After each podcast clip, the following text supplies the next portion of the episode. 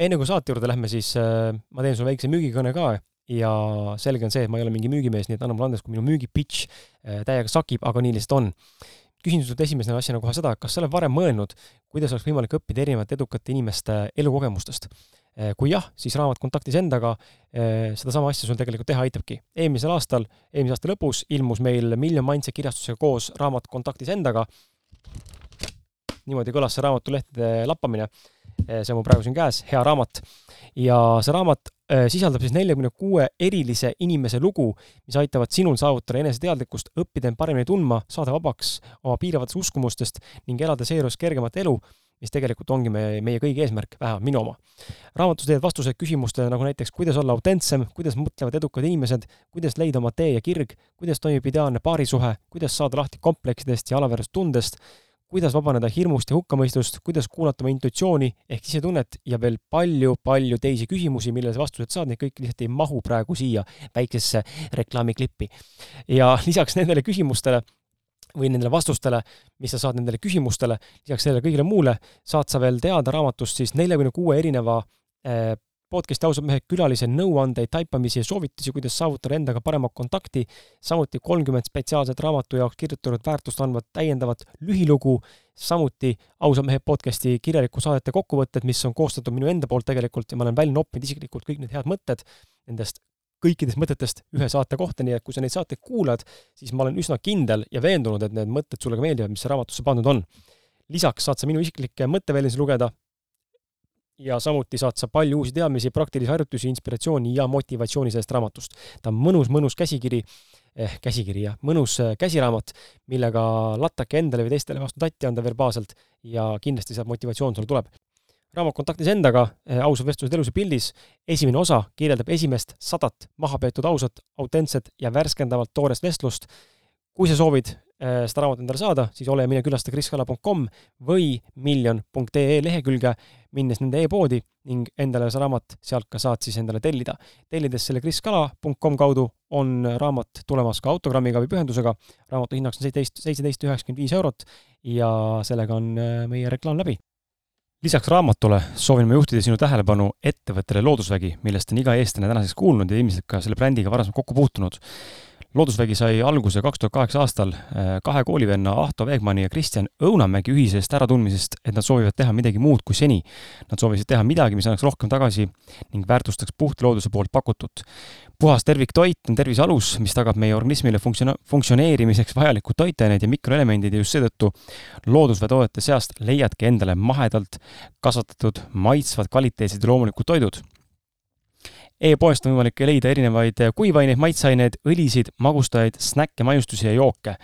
ja miks ma seda mainin, sellepärast et podcast'i ausad mehed Facebooki lehel on käimas loos, kus annan äh, koostöös Loodusväega ära kaheksa kasti rabajõhvika maitselist glögi, nii et äh, kui oled suur glögifänn ja meeldib äh, raba ja jõhvikas, siis tule võtta osa, sest loosuni kestab mai lõpuni. ja egas midagi, aitäh sulle ja mõnusat kuulamist!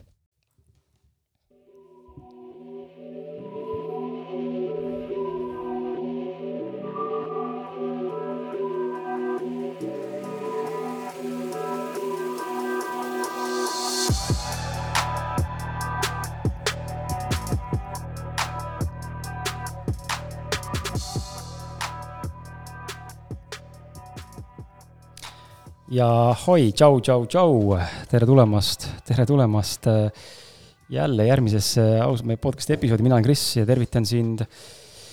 huh, ma ei teagi, ma salvestan ette, ma panen praegu jämedalt kahesaja kahekümnes pluss või miinus mõned üksikud episoodid, nii et ähm, väga vahva, et sa siin oled ja ja, ja nagu ikka, täna on ähm, tulemas huvitav vestlus. ja, ja see on selline huvitav vestlus, kus ma, mm, see on jälle üks selline külaline, kellega ma tunnen, seda juhtub väga harva, aga mõne külalisega ma tunnen et kas ma saan hakkama äh, selle inimesega vesteldes, sest et kui vaadata inimese repertuaari või ampluaad, mis ma elus teinud on, ja nüüd ma muidugi hetkel, kui ma seda kõike räägin, siis ma lähtun äh, nii-öelda akadeemilisest taustast, mida mul endal on tegelikult vajaka mingil tasandil, siis seal tekib selline mõnus äh, alateadlik mõte, et hmm, kas ma olen piisavalt hea vestluspartner, kui minnakse väga nagu süviti äh, psühholoogiasse või, või inimese käsitlusse või kuidagi sellistesse teemadesse. Õnneks kogemus on näidanud, et äh, olen, aga need on need huvitavad mõtted, mis aeg-ajalt ikkagi esile kerkivad. ja, ja täna ma istun siin Lilleorus, ma ei ole siin varem käinud, ma isegi ei tea, miks, kuidagi pole sattunud, pole, pole nagu kuidagi tekkinud huvi ja pole tekkinud kuidagi ka võimalust või kuidagi nagu sellist situatsiooni, et peaks see tulema, nii et täna ma siin olen ja miks me siin oleme, sellest saame kohe rääkida ka, aga mõtlesin, kas mul on midagi lisada, enne kui ma sissejuhatust loen, aga ei ole vist, sest kõik muu oluline, mis äh, on oluline, see tuli enne introt sinuni, nii et äh, ega vist ei ole, lähme sissejuhatuse juurde. niimoodi on siis saatekülalisel rohkem aega enda maailma sulle jagada ja, ja sinuga oma mõtteid jagada ja sinul rohkem äh, siis teadmisi ja, ja uusi kogemusi ammutada. tänase saate külaline on Helena Lass, kes on psühhiaater, teadliku muutuse kunsti esimene kuni teine praktik, ma ei tea, kas see päris niimoodi, nagu sõnasid niimoodi öeldakse, või see on esimese kuni teise astme praktik ma olen kogu teadliku muutuse kunsti nii-öelda metodoloogia praktika, aga ma õpetan esimest-teist äh, nagu osa kogu metodoloogiast. osa, okei okay. mm. ühtlasi lisaks praktikule siis on ta õpetaja, uurija, lektor ja koolitaja vaimse vormi ning töökeskkonna heaolu alal. lisaks on siis Helena ka Lilleoru teadlikkuse õppekeskuse liige ja seal tegutseva Ingar Villido õpilane. Lõpetanud on ta Tartu Ülikooli arstiteaduskonna aasta kaks tuhat neli, spetsialiseerudes seejärel psühhiaatri erialale töötanud on ta lühiajaliselt ka Londoni lähistel Inglismaal ja alates kaks tuhat kolmteist aastast töötab Helena eriarstina. oma vaadetes lähtub ta teadvuse primaarsusest ehk siis teadmisest ja tehnikatest, mida tuntakse teadliku muutuse kunstina, millest me kindlasti täna saates ka räägime. Positiivse vaimse tervise, ennetuse ja töökeskkonna heaolu ja teadlikkuse teemal on ta artikleid lisaks Eestile avaldanud ka Inglismaal, Uus-Meremaal, USA-s, Kanadas, Indias, Lõuna-Aafrika Vabariigis ja veel teistes mitmes erinevates riikides avalike esinemiste raames on alates kahe tuhande kolmeteistkümnendast aastast olnud arstide, personalijuhtide ja ettevõtjate ees. ja Helena suurim publik on siiani olnud Lätis, viissada inimest, ja tema hobideks on joogateadus, aroomideraapia ja disain. sellise väikse sissejuhatusega tšau, tere tulemast! no tšau! väga vahva, et me lõpuks siin maha istuda saame ehm, ja mul on hea meel äh, olla natuke nagu endale selles mõttes äh, teistsuguses võõras keskkonnas, sest tavaliselt inimesed tulevad mulle stuudiosse Tallinnasse ja, ja olles ise sellise rohkem äh, ka nagu maa, maainimene, olles ise täna elades Kesk-Eestis, siis äh, igati teretulnud on see, et saab olla ikkagi pigem nagu looduse keskmes, kui et sul on siin majad ja autod tuudutamas. nii et äh, väga vahva äh,. tuleme kohe selle peamise küsimuse juurde. Mis asi on lilleorg, kus me täna oleme, Lilleoru, et äh, mik-, mis asi siin on, mis siin tehakse, kui äh, inimesed, kes meid kuulavad täna, suures laastus ma pakun ja spekuleerin, et ilmselt nime on kuulnud mm., äh, kuna ta on tegutsenud väga pikalt, eks ole, see keskus siin, aga võib-olla kõik minu kuulajad ei ole päris Lilleoru nii-öelda kliendid või jälgijad, seega natuke räägi, mis me siin nagu teeme või mis siin tehakse igapäevaselt või iga-aastaselt või hooajaliselt. Ja, ja miks me just täna siin oleme okei okay,, väga hea küsimus ja hea võimalus tõesti seda avada. esiteks, Lilleoru on äh, selle koha ajalooline nimi. et äh, siis see ei ole ise välja mõeldud mi-, nimi. ja mis siin tehakse, Lilleoru keskus saab varsti siis kolmekümneaastaseks. Äh, see sai asutatud Ingvar Villido poolt ja täna on ta siis samamoodi siin juht, selle koha juht ja, ja õpetaja kolmkümmend aastat.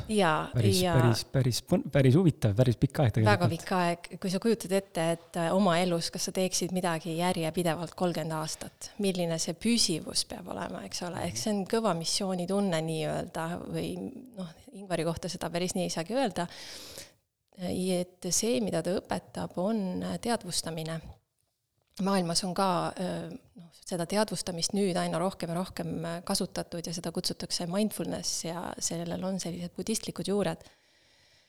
Eestis võib-olla inimesed ei teagi, et seesama teadvustamine täiesti eesti keeles siinsamas kodus enda lähedal on siin Lilleorus juba olnud õpetat-, õpetatud juba peaaegu nüüd kolmkümmend aastat, et ei pea sinna kuhugi nagu välismaale minema seda teadvustamist õppima. kusjuures see, mida siis siin Lilleorus õpetatakse teadvustamise alal, on veitsa nagu erinev mindfulnessist, võiks öelda, et see on mm,, lükkab mindfulnessi piire tugevalt mm -hmm. nii-öelda avardades neid kui natuke rääkida, siis mindfulness on see teadupärast selline budistliku juurtega või inspiratsiooni saanud sealt, mungad ja noh, kes siis on elust lahti öelnud suures osas ja, ja siis noh, teevad üsna selliseid noh, tegelikult üsna ekstreemseid ja askeetlikke praktikaid. siis see osa teadvustamisest, mis siin Lilleorus õpetatakse, on teisest maailma ühe tuntumast nii-öelda teadvustamise traditsioonist või kultuurist ja selle nimi on jooga. Ja kui ma sõna jooga mainin, siis kindlasti inimesed mõtlevad keha painutamise peale mm. -hmm ja enamus inimesi ei tea, et jooga on tegelikult, koosneb kaheksast osast ja ainult üks osa nendest kaheksast on see painutamine ehk hatha jooga ja ainult üks osa. ja seitse osa on midagi muud. ehk läänemaailm teab, on nagu kontekstist välja tõmmanud ainult selle ühe pisikese osa joogast ja seitset kaheksandikku ei tea üldse. ja see seitse kaheksandikku on kõik see, mis siis tegeleb äh, nagu muude asjadega, nende hulgas loomulikult vundamendiks on see teadvustamine. ja ja seda teadvustamist siis siin Lilleorus just joogalike juurtega, sest Ingvar ise on olnud äh, jooga nii-öelda traditsioonipraktik kuigi tal on budistlik äh, nii-öelda traditsioon ka olnud, mida ta on uurinud, seda, see erineb sellest äh, budistlikust ja mindfulness'ist selle võrra, et see osa teadvustamisest on hästi nagu elulähedane, et siin ei öelda nagu elust lahti, ei olda askeedid, ei olda mungad, ei minda kuhugi ei kloostrisse, ei templisse, ei koopasse, vaid et kuidas seesama teadvustamine avastada omaenda igapäevaelust ja tegelikult selle teadvustamise abil oma elu korda sättida. Et kõik, mis sa elus nagu avastad, noh, mis sulle üles kerkib sinu ette, sellest me täna kindlasti räägime, mis on noh, elu mitte edendav, vaid vastupidi, vot et kuidas siis sedasama teadvustamist kasutada niimoodi, et see kõik nagu ära laheneb. et sisuliselt on see teadvustamise nagu see tee, mis siin Lilleorus õpetatakse, teekond ähm, sellise püsiva heaoluni, õnnelikkuseni, mida sa ei pea nagu kogu aeg renoveerima mm, -hmm. Vaid et sa pigem äh, siis, see toimub siis vähendamise teel.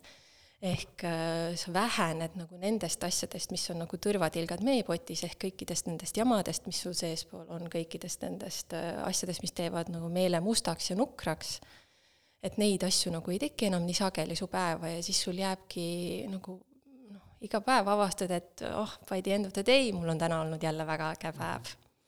Ja lisaks ei noh, ongi teadvustamine loomulikult tähendab seda, et sa ei ela nagu äh, kott peas, vaid sul on nagu silmad hästi lahti ja sa nagu saad osa ja märkad, mis elus toimub. ja, ja miks meie täna siin oleme, miks, miks sina siin oled?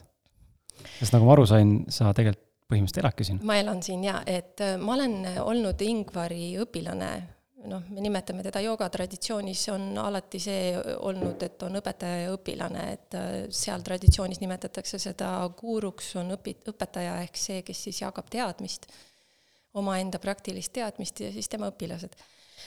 et mina olen äh, siis tema õpilane olnud alates äkki kaks tuhat kaks mhm. äh, ja see on sellest ajast, kui ma veel ülikoolis juba õppisin arstiteaduskonnas olin temaga ka enne kokku puutunud ja kogu selle aja, et nüüd siis varsti juba ise ka kakskümmend aastat ma olen käinud siin õppimas. esialgu niimoodi nädalavahetuseti ja, ja nädala sees ja alati, kui toimusid praktikad ja loengud ja ja juhendamised ja palju juhendamist toimus meil töö kau-, käigus, nii-öelda töö kaudu, ehk siin on suur maa-ala tegime erinevaid töid ja see ongi siis see eripära, et seda tööd tehes rakendada neid teadmiseid, mitte et istud padja peal ja, ja siis teed ja siis tõused püsti ja vihastad järgmise emaili peale või midagi sellist, et tehes nagu tööd, suheldes teiste inimestega, rakendada neid praktikaid oskad sa äkki mõne näite tuua, kuidas see peaks justkui välja nägema? no ma varsti toon okay. ja vot ja siis äh, niimoodi äh, ma käisin siin ja aina rohkem ja rohkem äh, nagu soovisin äh, pühenduda nagu sellele võimalusele, mis minu enda elus on avanenud, võtta osa sellisest suurepärasest õpetusest ja tahtsin äh, nagu sellega veel rohkem tegeleda ja ka enda elukeskkonnana nagu tunda, et ma olen nagu hoitud ja, ja nagu noh, et mis see, mis ümber on, seda sa ka nagu rohkem, eks ole, kasutad ja märkad. Ja seetõttu mulle paar aastat tagasi avanes võimalus siia kolida ja ma kolisin siia ja nüüd elan siin. kohe, muidugi ma praegu näen ainult ühte sada kaheksakümmend kraadi vaadet, et äh, kus, äh, kus, kus sa siin elad, kus te elate, kas siin on ümberringi, siis on ikkagi küla, mingid ela, elamukohad nii-öelda nagu modernsed majad või on ikkagi pigem see, et on see hütielu, mis paljudele tundub olevat, või noh, eel, eelarvamuslikult, et on no, hütielu või telgielu või mingi kämpingud või kus, kus te siis nagu reaalselt elate siin? no Lilleoru ise on hästi no, suur maa-ala mm, -hmm ja tõesti, siin on selline avatud park, mida me nimetame pühakohaks, kus on siis erinevad sellised äh, nagu jõujooned või jõukohad, et see on siis eraldi ala. Leyline'id siis, on inglise keeles see vist no äh, vortex'is okay. äkki mm -hmm. sellised nagu, see on siis äh, elulillekujuline praegu ja siis on seal veel nii-öelda süvaõppeala, mis läheb sealt elulillest veel edasi me oleme siis teisel pool elulille, mitte seal süvaõppe pool, vaid siin nii-öelda inimesele tänavalt selles kohas, see on selline suur koolihoone, nagu me teda nimetame. me istume praegu siin teisel korrusel ja siis tegelikult siit nüüd veel edasi, siis samas suunas jätkates tuleb selline küla mm., kus siis ongi lihtsalt nagu, nagu külaala, aga sellel külas siis noh, elavad inimesed või kes siis on ka kõik selle kohaga seotud. et seal on eramajad, paarismajad, majad, mis on nii fiboplokkidest, tellistest, aga ka siis roomajad, et näiteks seesama põhihoone praegu on ka äh, limbuttaladega roomaja. väga huvitav kas nii et hütielu ei ole. aga kas, kas see, need, ütleme, elamus siin siis või noh, see rajoon, mis tuleb, kas ta läheb siis natuke nagu oma suunitlusega selle põliskodude suunas või pigem mitte päris nii äh,? tavalised majad okay.. täiesti tavalised. ma ei ole näinud, täitsa huvitav, täitsa huvitav kohe on ju. täitsa tavalised. okei okay.. väga, ei no selles mõttes on kihvt tegelikult, et siin selline park on ja, ja on loodud selline võimalus, et äh, asja nagu arendada ja ja, ja siin inimeste panustada, aga kust äh,, miks, miks just nagu see mõte siia kolida, ta on tegelikult Tallinnale üsna lähedal ju see koht ise? vaata, kui me siin pärast sinuga ringi käime, siis sa tunned seda mm. -hmm. Kui inimene tuleb siia kohta, siis ta kogeb midagi, mida on sõnadesse keeruline panna. noh, vaata näiteks, kui ma sulle suhkrutükki annan maitsta, siis see on midagi väga konkreetset, hästi igapäevast, aga kirjeldada seda on juba nagu noh, kui sa pead kirjeldama suhkrut inimesele, kes pole seda maitsnud, juba läheb keeruliseks. vot siin ka inimene kogeb midagi sellist, teda puudutab, puudutab see koht niimoodi seespool, et tekib selline noh, kuidas inimesed on kirjeldanud, kergus, helgus, selline nagu natuke tõstetud tunne mm, -hmm. heas mõttes tõstetud, et sa oled nagu oma elu sellisest murest ja ängist või mingitest piirangutest või kammitsatest, sa saad nagu korraks sellist vaba ruumi sissepoole. sa tunned, et kuidagi helgem on ja kergem ja need asjad, mis muidu muserdavad või rõhuvad, nagu ei ole esiplaanil enam. ja siis sa sellest olekust hakkad märkama nagu asju, mis võib-olla muidu ei paistnud su selle muda seest nagu väljagi, siis sa saad mingeid taipamisi, et oh, aga miks ma nagu selle või selle asja otsas istun, ma ei tea, kas mingi tööasja otsas või mingi mure otsas või mingi probleemi otsas, et võiks ju hoopis nagu noh, edasi minna, midagi hoopis noh, nagu avardavamat teha. vot sellised nagu kogemused on inimestel, kui nad siia tulevad ja, ja, ja, ja see, nii see on, ehk see selline kergus, helgus ja puudutus äh, nende jõudude või jõujoonte poolt või vortexite poolt, mis siin on, on äh, käegakatsutavad. sellist äh, väga tugevat mõju olen ma kogenud ainult väga pühapaikades. noh, näiteks kui ma olen Indias käinud oma õpetajaga templites ja niimoodi. aga siin on see avatud territooriumil et äh, nii-öelda noh, keset kivisid ja, ja, ja peenraid ja nii edasi, et sama asja võib tunda. et mõni nimetab selle noh, selline kõrgema jõu kohalolekuks või noh, kuidagi on vaja neid asju sõnadesse panna mm, -hmm. eks ole, et siin on midagit, mida ei ole nagu hästi võimalik seletada ja mida ei saa ka nagu kuidagi teaduslikult uurida. see on üldse selle esoteerilise või noh, ütleme maa-, vaimse maailma ma ei tea, kas paradoks on õige sõna, aga selline omamoodi nagu äh, keerukus, et äh, see, mida me inimestena ka tajume või tunneme teinekord või kas või intuitsioonist rääkides või, või mingisuguse koha tunnetamisest rääkides, siis äh, seda ei saagi mitte kuidagi teinekord teaduslikult nagu tõestada või seletada, sest noh, mulle tundub, et meil täna jääb puudu nagu selles mõttes teadmistest ja võib-olla ka vahenditest, kuidas mingit sagedust või asja mõõta. või reaalselt nagu aru saada, mis siin tegelikult on, et selles mõttes on hästi huvitav jah, aga samas no võiks öelda nii, et tegelikult võib-olla see fookus ongi läinud liiga palju selle peale, et mingit asja mõõta ja mhm. seletada see asi ei ole siin eksisteerimas üldse sellepärast, et meie seda mõõdaksime või mhm. seletaksime, palju asjakohasem küsimus oleks, et kui ma seda kogen, mida see minus nagu võimalikuks teeb või, või mis on minu ja selle asja kokkupuute point et kas see aitab mind kuidagi, kas see edendab mind kuidagi, kas see avardab mulle midagi, võib-olla noh, mingeid selliseid tahke või sügavusi, mida ma enne lihtsalt ei märganud. ehk iga mingisuguse noh, asjaga kokku puutes tekib hoopis see küsimus nagu praktiline küsimus, et noh, et ja ne, mida siis järgmiseks või nagu what next. ja hoopis seda võiks uurida, mitte et kuidas me selle nüüd mingitesse lainetesse paneme või, või noh, midagi muud. sinu puhul on huvitav see, et äh, sa oled tegelikult ju ütleme, üsnagi akadeemilise taustaga, on ju ma, ma olen ütlen, väga akadeemilise taustaga. aga ometi oled tegelikult ka täna oma ellu lasknud siin viimase noh, ongi kaheksateist ja kahekümne aasta jooksul piisavas koguses siis noh, paralleelselt põhimõtteliselt ülikoolist alates ka sellist natuke nagu esoteerilist või alternatiivse maailmavaadet ja tunnetuslikku poolt, et kuidas, kas sa oled terve elu olnud äh, avatud, miks ma küsin seda, sellepärast et ma näen jälle, see on võib-olla ütleme, väga lai mõiste ja väga laialt vaadatuna aga, aga mulle tundub, et kui inimese tihtipeale on näiteks valinud akadeemilise tee, siis ta tavaliselt ei ole väga avatud äh, just nagu sellisele noh, millest me täna siin võib-olla ka räägime, on ju, ja vastupidi, kui inimene on ütleme, pigem selline hästi vaimse suunitlusega, siis tal tihtipeale ei ole väga sügavat või sellist äh, kogemuslikku akadeemilist tausta.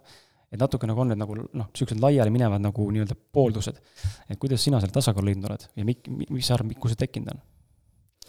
No esiteks ma ei nimetaks seda sõna esoteeriline, sest äh, sellel on selline äh, tähendus, et need on mingid asjad, mida me nagu ei mõista mm. -hmm. Voodoo nii-öelda siis? no nagu mingi seletamatu asi mm. -hmm. pigem on see niimoodi, et ähm, kuidas mina, ma mitte ei ole leidnud tasakaalu nende vahel, vaid ma, mulle on näidatud sellist kohta, mis on nende mõlema nagu nii-öelda taga ehk millest need mõlemad nagu välja võrsuvad, et on, on nagu mingi reaalsus olemas, mis, mil, mis nagu võib väljenduda noh, näiteks nagu tavamaailma mõttes väga füüsilisena, ehk midagi sellist nagu meie füüsiline keha ja, ja lilled ja, ja, ja ma ei tea, noh, taimed ja kõik muud asjad, mida me saame siis katsuda, mõõta ja nii edasi.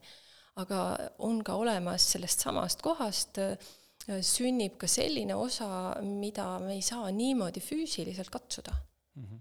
Aga tegelikult nad ei ole vastandid. Äh, pigem on see, et milliste nagu, milliste nii-öelda vahenditega me saame ühtesid või teisi avastada ja kui olla nagu siin, kui on näidatud teed siia taha, siis sa näed, et see on üks ja sama reaalsus.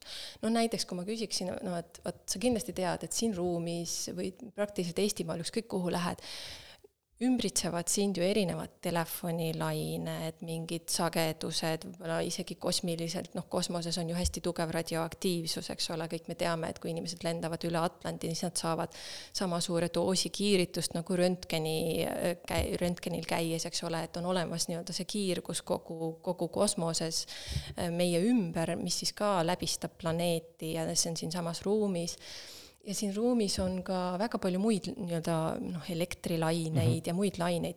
kui ma nüüd küsin su käest, et noh, et kas sa näed neid elektrilaineid või telefonilaineid? antud momendil mitte. no just, aga kas sa neid käega katsuda saad? ei saa mm. -hmm. nuusutada saad neid? ei. kas nad on esoteerilised? ei.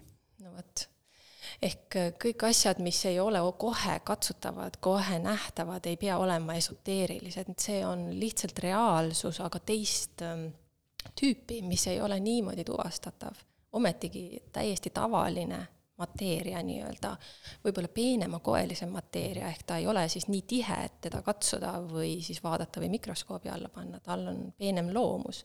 aga see ei ole üldse esoteerika. teine küsimus võiks olla sama, et noh, närvi oled läinud mõnikord mm. -hmm. nii, kui, kui sa oleksid näiteks õudselt närviline inimene ja, ja ma ei tea, läheksid kirurgi juurde, ütled, et tead, lõigake mind lahti, võtke see närvilisus välja. kas see kirurg leiab selle närvilisuse sealt? tõenäoliselt mitte. just, käega ei saa teda katsuda, kas me mikroskoobi alla sinu närvilisust ennast saame panna? ei saa, on ju. samamoodi, kas sa saad seda närvilisust ennast kuidagi, ma ei tea, röntgeniga pildistada, nuusutada, kaalu peale panna. no ei saa, aga ometi on olemas, on ju, mhm. päris asi sul ja teistel.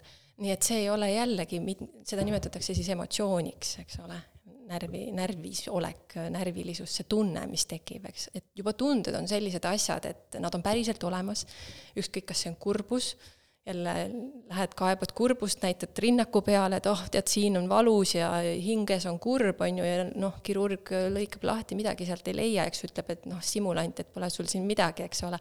et tavalised emotsioonid on juba sellised asjad, mida me ei saa katsuda, mida me ei saa pildistada röntgeniga, mida me ei saa kaalu peale panna, mille mõõdulindiga ümber mõõtu me ei saa mõõta, ometi on väga olemas. ja keegi ei ütle, et emotsioon on esoteeriline mm -hmm., noh ehk et äh, see ongi see maailm, äh, mis miskipärast on nimetatud väga kummalise sõnaga nagu, nagu esoteerika, aga, aga see tähendab lihtsalt nagu paremat sellist teadvustamist, nagu peenemat märkamist, et äh, sa mitte ei märka ainult seda, kui sul on pind näpus, vaid sa märkad ka seda, et kui sul on kurbus peal või viha peal või hoopis helgus peal. noh, ja see on täitsa normaalne eristamise võime inimese puhul see on väga hea selgitus. Ehm, meelega natuke nagu sorkisin ka, sest et äh, me oleme nii paljude inimestega rääkinud ma nagu mõistan, just sellistest nagu teemadest ja, ja ma just tahtsin nagu näha sinu nagu selgitust sellele nagu maailmale või sellele kahele paradoksile või nagu paralleelsusele, et see on hea, et sa nagu tõid niisuguse hea selgituse. et ma olen nagu täiesti nõus sinuga. sa mainisid tegelikult äh, siin kohe päris alguses äh, kuidagi jutu sees tõid sisse selle, kui meie enda sees on mingid asjad noh, need tumedad mõtted või mingid tumedad käitumismustrid või, või mingisugused muud asjad, mis meid häirivad ja, ja meid piiravad kuidagi seda inimolemust. et äh, kas sa oskad äh, psühhiaatrina, lähme nüüd sellesse, võtad selle psühhiaatri rolli, on ju. et räägi, kas oskad kuidagi siin äh, sõnastada või anda nõu, mida võiks tähendada selline asi äh, nagu eksistentsiaalne depressioon ja ma küsin seda sellepärast, et mulle kohati tundub, ma ise olen kogenud seda oma elus paaril korral võib-olla pool, poolteist, kaks aastat tagasi esimest korda, vähemalt siis kirjelduse järgi, mis internetis leitav on. täna on nagu ka selline, viimased aasta võib-olla on selline tunne, et iga päev on äh, nagu uus ihiksus. et kõik nagu muutub kogu aeg. ja vahepeal tekib tunne, et ma olen täitsa sassis juba, et äkki ma olen skisofreenik, on ju, et ma ei saa enam aru midagi aru, on ju, et täna on ühed väärtused, homme on teised, täna on see hea, täna, homme on see halb, on ju. et äh, hästi suur enesearengu nagu mingi muutus on sisemaailmas aga mind just kõnetas äh, mingi aeg see eksistentsiaalne depressioon, mis siis väidetavalt on siis see, kui inimene hakkab väga mõtlema sellistele sisekaimuslikele küsimustele või siis nii-öelda noh, pärimuslikele või ma ei kujuta ette, kosmilistele või kuidas iganes, väga selliste filof-, filosofeer-, filosofeerivatele küsimustele, millele vastuseid võib-olla kohe anda ei ole võimalik, aga lõputu nagu jutt on, äh, jääb sealt tulema, on ju, et oskad sa nagu siinkohal midagi kaasa rääkida? kas niisugune situatsioon olemas on, mida inimene sellisele kogeda võiks või mis see tegelikult seal taga on? Miks tekivad meil sellised, sellised mõttetuse tunded vahepeal, et elu on mõttetu mm ja mhm. siis äh, kuidas sellega võib-olla tegeleda, sest ma arvan, ma ei ole ainuke, kes seda kogenud on. muidugi mitte, jaa. tead, äh, psühhiaater siin ei aita, sest psühhiaatria ei uuri inimloomust. psühhiaatria on teadus ajust, neurokeemiast, sümptomite kaardistamisest ja siis äh, sellele sobiva ravim, äh, eelkõige ravimlahenduse nii-öelda leidmiseks, mis siis ravimina mõjutab, kuna ravim on füüsiline aines, mõjutab ta füüsilist keha ehk seda aju. aga ehk tegelikult psühhiaater ei selgita sulle seda, nii et seda kitlit ma selga praegu panna ei saa sinu küsimusele vastamiseks, aga ma saan vastata nüüd teadliku muutuse kunsti praktikuna teadliku muutuse kunst võimaldab inimesel, see on selline nagu vaade või metodoloogia, mis on, annab inimesele nagu selle manuaali, mida sa sündides kaasa ei saanud, ehk võime orienteeruda. ja selle asemel, et nagu kogu elu on üks selline suur kängar, millest aru ei saa, muutub, tekib nagu orienteerumine siin me jaotame iga inimese eksistentsi, iga inimene on üles ehitatud nagu sama maatriksi järgi, ehk see maatriks on kõikidel inimestel üks ja sama ja see maatriks koosneb nii-öelda viiest osast. ja siin on siis selline jaotus, et igal inimesel on olemas füüsiline keha ehk siis füüsiline tasand, seesama jämedam, koelisem mateeria, on sul olemas keha mm? -hmm. on selline automaatne vastus, aga näiteks praegu tunne oma keha. ehk märka, et see oh, päriselt on, istungi tooli peal ja käed on äh, laua peal ja et kehal on teatud raskus, ehk märka see keha nagu reaalajas mm. -hmm see on kõigil olemas, eks ole, kõik ütlevad mm -hmm, alati, siis järgmine tasand, millest juba alati lähebki nagu tavama, tava nagu, kuidas ma ütlen, veel psühholoogias asi keeruliseks, sest psühholoogia on tegelikult väga noor teadusharu, paarsada aastat ainult. aga nüüd see teadliku muutuse kunst ütleb hästi selgelt, et järgmine tasand on inimese vitaalne tasand see on see tasand, kus me räägime kõikidest äh, nii-öelda emotsioonidest, energia, kas sul on jaksu, ei ole jaksu, tunned, et sul on energia, energiat vähe, energiat palju, siin selles tasandis me räägime meeleolust, siin me räägime niisugustest tungidest või ihadest, kõik see, mis on nagu selline nii-öelda nagu elekter, vaat niisugune noh, vibreerib nagu sees, sa tunned seda ja nagu me enne ütlesime, näed, et ei see närv ega, ega siis ka kurbus ega miski selline ei ole otseselt füüsiline mateeria. et seda ei saa nagu rindkeret lahti lõigates näha. ka ajut lahti lõigates ei ole ühtegi sellist kohta, et sa lõikad lahti ja nüüd vaatad skalpelliga, et mm, et otsin, et kus siin kurbus on. ei ole ühtegi sellist ajupiirkonda ja noh, et räägitakse paljusid, püütakse neid paigutada, aga tegelikult ei paiguta ükski emotsioon mingisse väga konkreetsesse piirkonda ehk see vitaalne tasand on täitsa eraldi tasand. ja kui me räägime sellisest depressiivsusest, siis depressiivsus, sa tunned ennast niimoodi, ehk see on teatud tunne. see on see vitaalse tasandi nagu nähtus.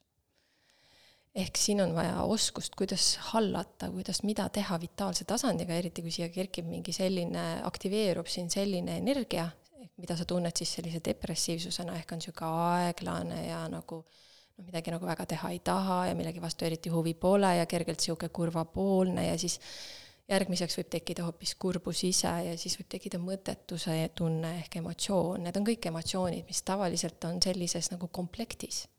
ja sellist komplekti nimetatakse siis psühhiaatrias depressiooniks ehk selliste emotsioonide kogumit nagu äh, siis äh, teatud palett moodustab siis depressiivsuse. Ja see on siis see vitaalne tasand kui eh, küsida, et, et noh, sul on peas ka mõtted, see on siis kolmas tasand ehk meie mõistus. kõik meie mälu ehk see info seal, meie võime meenutada, meie võime ette kujutada, meie võime mõelda, analüüsida, planeerida. mõtted ja emotsioonid eh, sageli käivad käsikäes paaris, aga nad on väga erinevad. kui sa ise vaatad, kas sinu mõte on tunne, kas sa tunned mõtteid või on tunded midagi erinevat ikka erinevad? erinevad, just. ühte asja sa tunned, aga teist asja, noh, mõte, see on mingi info, mida sa kas kuuled peas või näed pilti silmade ees, eks ole. et nad on täitsa erinevad asjad, see on siis kolmas tasand, mis igal inimesel on, mõtte ja mõistuse tasand. nimetame mentaalsuse tasandiks seda. siis on olemas neljas tasand, mis on teadvustamise tasand. ja see on see tasand, kuhu kuulub äh, märkamine, teadvustamine seda nimetatakse ka, kui see on nagu elus põhiliselt kasutusel, siis seda nimetatakse ka teadvelolekuks. ehk see on see võime, mis võimaldab sul olla nagu märgata asju siin ja praegu. kui ma näiteks küsin, et ähm, kui sul on mõtted, ükskõik millised mõtted, kas või hästi suured mõtted, näiteks mõtted universumist või kosmosest või multiversumitest või no mingi tohutu kolossaalne nagu justkui mastaap, kas siis äh, see mõte on endiselt sinu, sulle nagu teadaolev, et sa tead, et oo oh,, nüüd mul on see suur mõte. sa võid märgata, eks ole, sõber küsib, millest mõtled, oo oh, tead, ma mõtlesin just praegu universumist, eks. ehk ükskõik, kui suur su mõte kah ei oleks, teadvus on alati suurem, de facto sest kõik mõtted mahuvad teadvuse sisse, ehk on sinu poolt teadvustatavad. teadvus on nagu selline ülisuur nagu ruum, võiks öelda, nagu sisemine ruum, millel justkui pole piire, mille sisse nagu mahuvad kõik sinu mõtted, kõik sinu tunded, mida sa teadvustad, mis sinna sisse kerkivad ja nii edasi. et on olemas selline teadvus ja see on kõigil inimestel olemas. ja kui sa märkad näiteks teadvuseta inimest minestanud või koomas või, või noh, surnud, siis siis see on see inimene, kelle teadvus noh, ei ole esindatud ja kui sa vaatad, et kas sa praegu oled minestanud, koomas või surnud, ja avastad, et ei ole, siis sa saad aru, et aa, siin on miski, mis eristab mind vot nendest mm, -hmm. kes on minestanud, koomas või surnud, et mul on midagi sellist. ja see on siis see teadvus. ja üldse ei ole oluline nagu noh, siin jälle nagu uurida, et miks ta tekkis või kuidas ta tekkis või kus ta asub. olulisem on see point, et mul on, avastada see, et mul on ja siis avastada, et aga mis sellega siis teha saab sest siit juba nüüd tuleb, et kuna teadvuse sisse mahuvad kõik sinu mõtted ja kõik sinu emotsioonid, siis see tähendab, et teadvus on ka see, millega sa saad muuta kõiki oma mõtteid ja kõiki oma emotsioone.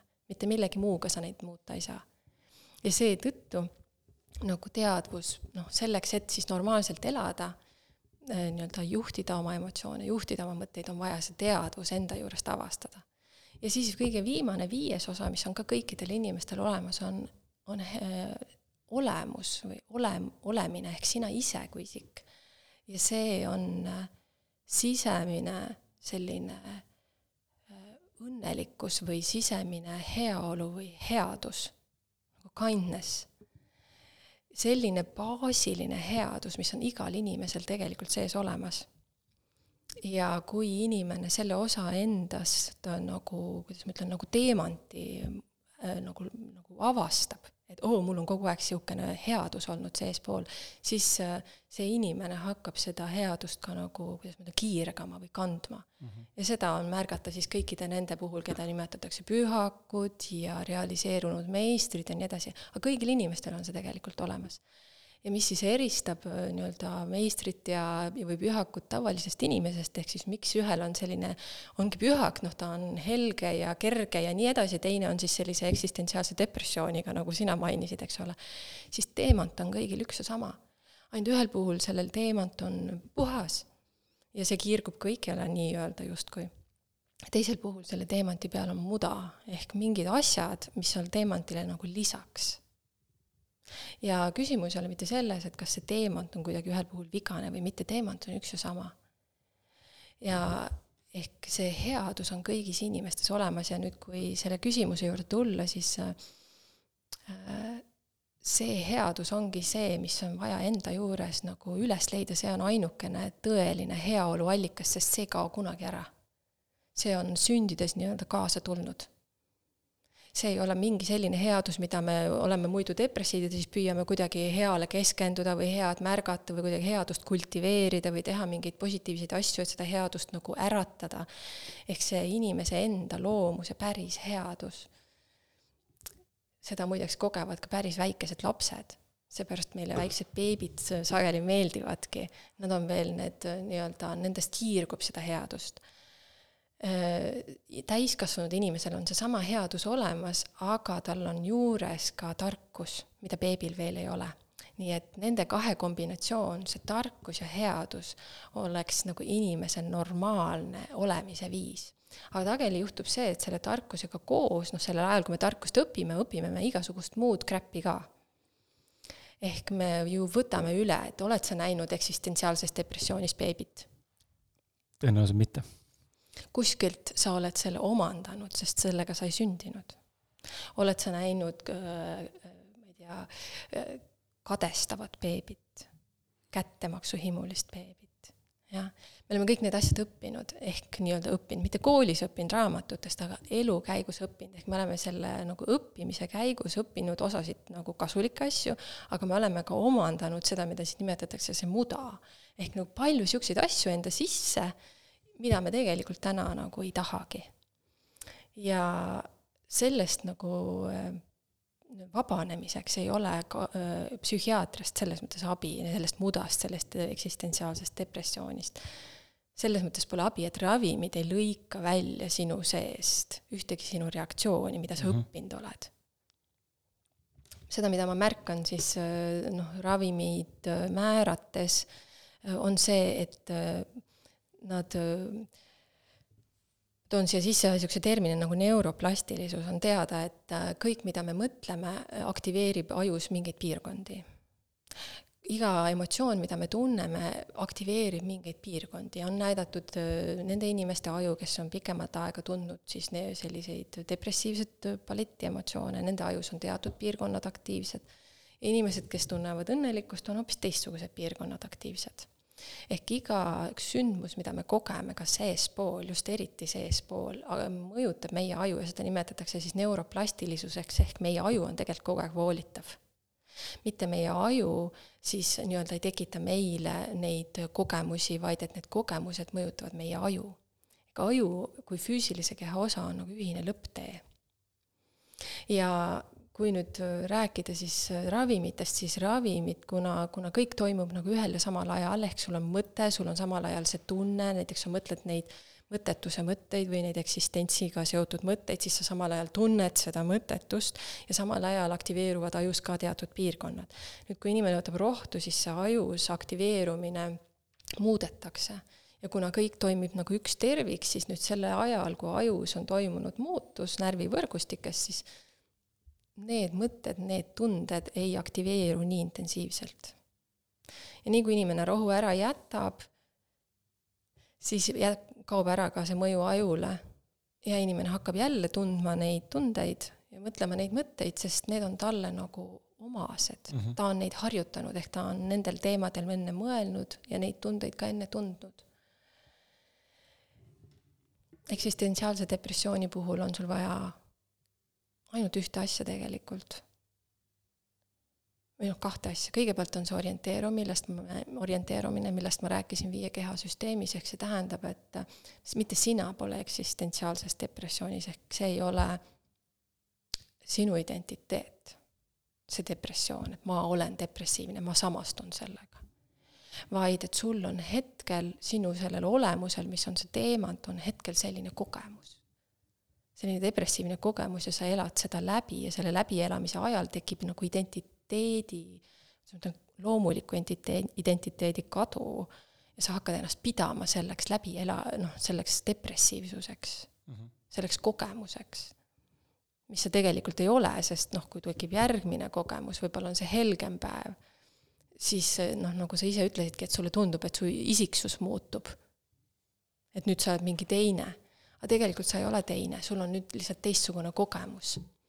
aga kuna meil ei ole räägitud, et meie identiteet on midagi muud kui need kogemused, midagi rohkemat, selle kogemuste taga, et need kogemused on nagu värvid, mis vahetuvad või nagu prillid, erinevate värvidega prillid, mis sa vahepeal nagu tulevad ette, ei saa isegi öelda, et sa paned neid ette, sest sa ise neid ei pane. siin me räägime teatud automaatikast, autopiloodist, mis neid lihtsalt ette paneb sulle. et sina pole need prillid et siis üks on see orienteerumine, arusaamine, et ahaa, mul on see kogemus praegu. ja teine on siis, et selle kogemuse puhul on äh, kõige määravam just see, mida sa tunned. sa tunned mõttetust või et sa tunned depressiivsust või sa tunned kurbust. sellisest tundmusest inimesed ei oska vabaneda. tavaliselt ei oska, sa ootad hommikuni, et äkki hommikuks kaob ära mõnikord lähed reisile, et äkki siis kaob ära eks, või lähed, ma ei tea, kinno või shoppama või et noh, äkki siis kaob ära.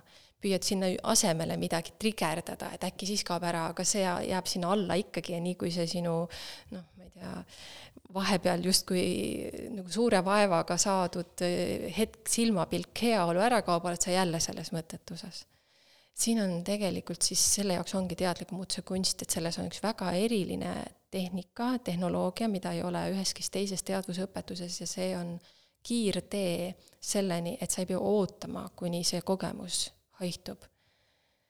pealegi veel kogemus, mis on tulnud nagu nii-öelda peale surutuna ehk automaatselt, see lihtsalt hakkas sinuga peale, ilma et sa ise oleks tahtnudki mõttetust tunda. ja selleks on emotsiooni vabastamise tehnika, mis vabastab selle, e-, milles võimaldab, ütleme siis nii, sul vabaneda sellise tunde automaatsest käivitumisest ütleks, et läheneme siin niimoodi hästi lihtsalt, et kui sa oleksid lennukis, piloot, ja kui lennuk on sul autopiloodi peal lendamas, siis sa võid see piloot olla ja väga heade oskustega ja kogemustega ja teadmistega, aga kui lennuk on autopiloodi peal, siis sa ei saa teda juhtida. ja siis ma küsiks, et mis peab juhtuma selleks, et kapten saaks hakata juhtima lennukit? auto võib maha võtta. no täpselt ja siis avanevad võimalused, eks ole. kapten võib nüüd lennata sinna, kuhu muidu oleks lennanud autopiloot. ta võib lennata hoopis teise kohta, ta võib lennata mingit teist teed pidi, aga ikkagi jõuda lõpuks sinna, kuhu muidu oleks jõudnud autopiloot. väga palju võimalusi tekib. aga niikaua, kuni autopilooti maha ei võeta, ei juhtu mitte midagi nagu teistsugust. meil on sisemaailmas sama lugu. inimesed räägivad emotsioonidest, emotsioonide juhtimisest pane tähele oma emotsionaalset autopilooti. kui palju nendest emotsioonidest, mida sa päeva jooksul tunned, hakkavad pihta automaatselt ise. ma võiks öelda, et see on üle üheksakümne viie protsendi. me isegi ei oska ise kaptenitena oma emotsioone üldse kasutada, sest me nõjatume sellele autopiloodile ja see teeb kogu töö ära, trigerdab igas olukorras mingi asja. Lähed kohvikust mööda, tekib üks tunne. Näed numbrit, mis helistab, mis on tundmatu, tekib teine tunne. ma ei tea, saapapaelad ei lähe kinni, tekib kolmas tunne arvuti ei lae pilte piisavalt kiiresti üles, tekib neljas tunne. näed, et email on tulnud mingi, kelleltki, kellele sa nagu tunned, et noh, niisugune vastupanu, et noh, ei tahaks procrastinate ida ja ei taha vastata, tekib see tunne. igas olukorras mingisugused automaatselt tekivad, see tähendab seda, et niikaua, kuni see automaatpiloot on peal, niikaua, kuni me ei oska selle automaatpiloodiga midagi teha, nii kaua me tegelikult ei juhi oma elu. ja kui sul tuleb automaatselt peale mõttetus, siis see on lihtsalt kaastunnet tekitav. sest tegelikult see ei pea üldse nii olema, sa oled lihtsalt oma autopiloodi ohver. ja vot sellisest autopiloodist, autopiloodi lülist vabanema õpetabki siis äh, ehk emotsiooni vabastamise tehnika, mis vabastab selle just mitte, mitte sa ei jää emotsioonist ilma, vaid sa vabaned tema automaatsest, nagu ette kirjutatud nagu käivitumise mustrist ehk sa saavutad nagu vabaduse. kui ma vaatan oma füüsilist keha, ma rääkisin viiest tasandist, kui ma tahan, ma panen oma keha selja sirgu. kui ma tahan, lasen ma selja lössi. ehk minu keha, mina olen oma keha juht ja mu keha toetab minu elu. Täpselt sama on emotsionaalse tasandiga, vitaalse tasandiga see peaks olema normaalne, et kui sul on vaja midagi ära teha, siis sa kasutad sellist energiat, mis võimaldab sul asju korda saata aktiivsus, võib-olla entusiasm, midagi sellist. ja kui sul ei ole seda enam vaja, näiteks sul on vaja õhtul magama minna, siis sa ei kasuta seda energiat enam. ehk me räägime arukast kasutusest, nii nagu me oma keha arukalt kasutame. Paljud inimesed on siin aut-, noh, autopiloodi ohvrid, sul on vaja olla aktiivne, aga peal on hoopis automaatselt mingi laiskus näiteks või mingi tüdimus või mõttetus. ja sa ei saa olla aktiivne, sest see teine autopiloot on siin ees mõni on nii üliaktiivne ja see on tal autopiloodi peal, see üliaktiivsus läheb õhtul koju ja ei saa seda aktiivsust maha kuidagi, eks, ja siis niimoodi on nii aktiivse energia peal päevad läbi, et põleb läbi lõpuks. sest see aktiivsus ju nii-öelda kärsatab sõna otseses mõttes. Nii et see on kõik äh, nagu autopiloodi probleem.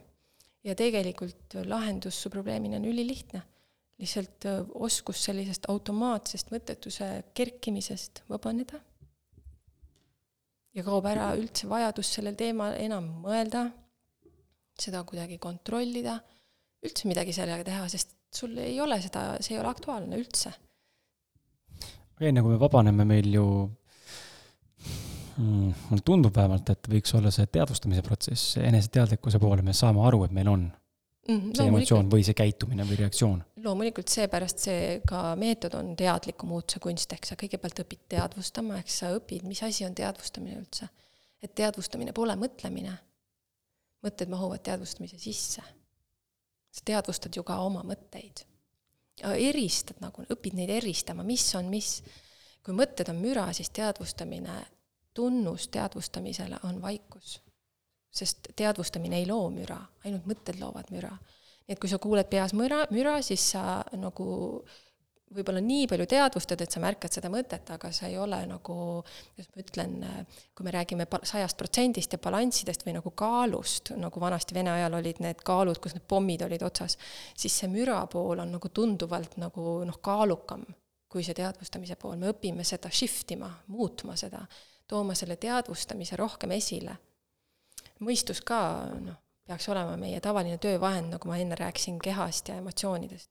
kui sul on vaja, lülitad selle sisse, mõtled, planeerid, võtad mälust midagi, aga mitte nii, et see on kogu aeg autopiloodil ja sul on nagu enamus ärkveloleku ajast peas mingi plä-plä-plä-plä, eks ole, mis on ju tohutult kurnav. aga teiselt poolt see tõmbab ju kogu aeg su tähelepanu sa ju kogu aeg jälgid oma mõtteid. See tähendab seda, et su tähelepanu ehk seesama teadvustamine ei ole üldse nagu selle, selle juures, mis tegelikult ümberringi toimub, ehk sa oled oma mõtete selline, kuidas ma nüüd ütlen, andunud kuulaja, vaatleja. nii et äh, see teadvustamine, eristada mõtlemisest, eristada see teadvustamine siis loomulikult tunnetest ja see on hästi suur osa, see on siis terve, terve selline, seal on mitmeid tehnikaid, mis siis toetavad selle osa endas esiletoomist, sest see on naturaalne omadus kõigil, teadvustamine. Kõigil siis, kes ei ole minestanud, koomas või surnud, on see olemas, et selle, selle nagu töövahendi märkamist. Ja siis jah, selles olles, seda märgates, seda kasutades, nüüd avaneb võimalus nii-öelda sekkuda autopilooti kas emotsioonidesse või mõtetesse. Äh, väga hea, äh, nüüd ma saan aru, miks sa äh, mulle emailis ja saate eelsalt ütlesid ka, et sinu vastused on hästi põhjalikud ja, ja ma juba tean, et me kõikide minu küsimusteni ei jõua ja võib-olla on põhjust teha vastan ka... nüüd lühemalt. ei, sa täpselt nii pikalt, tahad, et tegelikult ei olegi eesmärk jõuda nende küsimusteni, mis on kirjas, et see on lihtsalt kava selleks, et kui tekib mingi toppamine või kuidagi selline vool saab otsa, siis siit spikerdada. ja see on tegelikult hea, et seda vastab põhjalikult, sest et ma olen näinud äh, inimesi, vaata, see on huvitav, et inimesi ühelt poolt, jälle ma olen, võib-olla ma eksin, aga see on minu vaatamise tulemus, äh, enda pealt, teiste inimeste kogemuse pealt ka, et inimesi huvitab äh, süviti minev informatsioon, et saada asjast nagu võimalikult peentasandini välja, aga samal ajal süviti ise minna ja uurida, seda ei taheta või kaasa isegi endaga tegeleda süviti ei taheta. ja, ja ma tegelikult tahan viidata nagu viia see küsimus, järgmine küsimus selle juurde, sa mainisid ka seda, et meie sees on siis, oletame, laiskus ja oletame siis ülim aktiivsus. ma ise äh, nimetaks neid siis, võtame nagu paralleel, paralleelvõrdluse nii-öelda siis ambitsioonikus või ülim ambitsioonikus ja, ja siis ütleme, niisugune vähem nagu enese või teo, teotahteline inimene, kes nagu ei taha võib-olla nii palju saavutada elus või saab nii palju teha. Äh, ma olen ise, näen, et kaalukausina kukun sinna ambitsioonikuse juurde, tööjõuvõime on päris äh, mahukas, aga kuskilt tuleb piir. ja seda piiri ma olen siin kombanud teadlikult ja alateadlikult, ehk kogemata, aga samal ajal ka nagu ise push ides. ja samas ma näen, et, äh, et see ei ole nagu minu jaoks tervislik, see ei ole lahendus, et vaatamata sellele, mida ma elus saavutan, ma alati otsin järgmist suuremat asja. ma olen taibanud ka seda, et minus on väga suur enese, mitte ise, mitte ainult iseenese, vaid ka tegelikult välismaailmal on tõestamisvajadus, tähelepanuvajadus ja tunnustusvajadus, mis on meis kõigis nagunii sees mingis mahus. ja mul on tunne, et need ei kao otseselt ära, vähemalt võib-olla siis nad tõesti on võimalik kontrollida paremini, aga aga mis ma tahan küsida, on see, et mis sa oskad nagu soovitada, kas, kas tasakaal on oluline või vastupidi, see ülim ambitsioonikus, mis lõpuks läbi kärsatab, tegelikult ongi noh, ütleme siis justkui jutumärkides vale eluviis, kuidas elada, et tegelikult tulekski olla sinna noh, rohkem kulgevam, voolavam, rahulikum, mõistus on enamuse ajast väljas, on ju, mõte nii-öelda, et mis on see optimaalne suund, kuhu inimene tegelikult võiks siis ennast äh, mitte ainult klassifitseerida, vaid ka liigutada, et olla siis õnnelik. Mm,? väga hea küsimus sest täna mulle tundub, et hästi palju propageeritakse seda mm, -hmm. et tee hästi mm -hmm. palju, ma ei tea, seod tossu palju, siis kuula üks raamat kiiresti samal ajal ära, on ju, muidu on nagu mõttetu inimene, et nagu mm -hmm. hästi palju on seda, seda sotsiaalselt, seda aga ma küsiksin hoopis selle pealt niimoodi, et aga vot sa ütled, võtad järgmise projekti, järgmise projekti, järgmise projekti, mida sa tegelikult otsid? rahulolu. jah, äh, kui sa kirjeldaksid veel seda mõne sõnaga, kui sa avaksid seda veel, milles rahulolu seisneb? õnnetundes noh, bingo, eks ole. me kõik otsime õnnelikkust ehk teatud heaolu.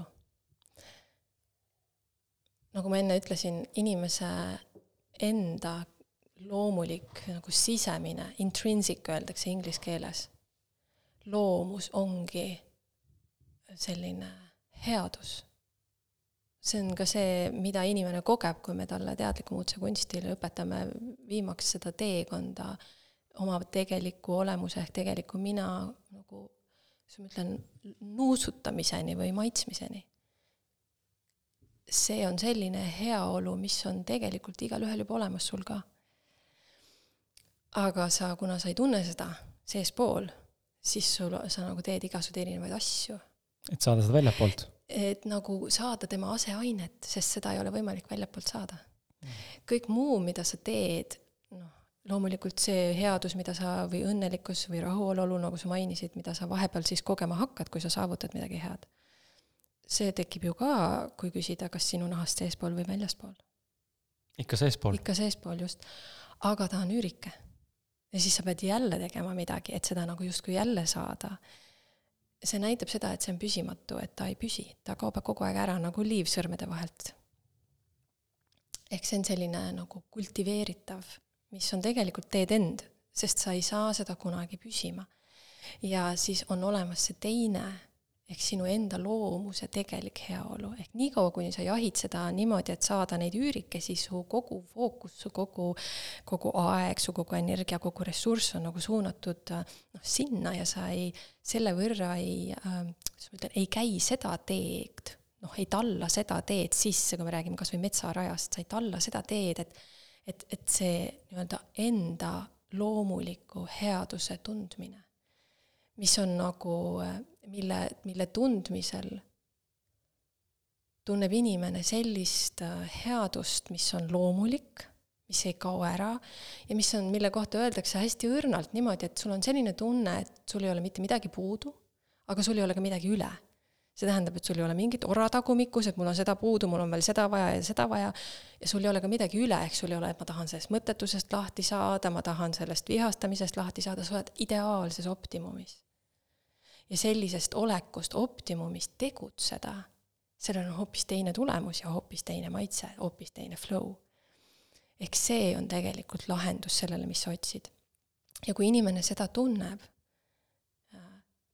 siis ei samasta ta enam ennast ühegi energiaga, ühegi emotsionaalse protsessiga, sest ta saab aru, et äh, nagu ma enne rääkisin, et kui ma soovin oma keha mingil viisil kasutada, siis ma kasutan, kui ma soovin oma energiaid mingil viisil kasutada, siis ma kasutan, aga ma saan kasutada ainult siis, kui nad ei ole autopiloodil.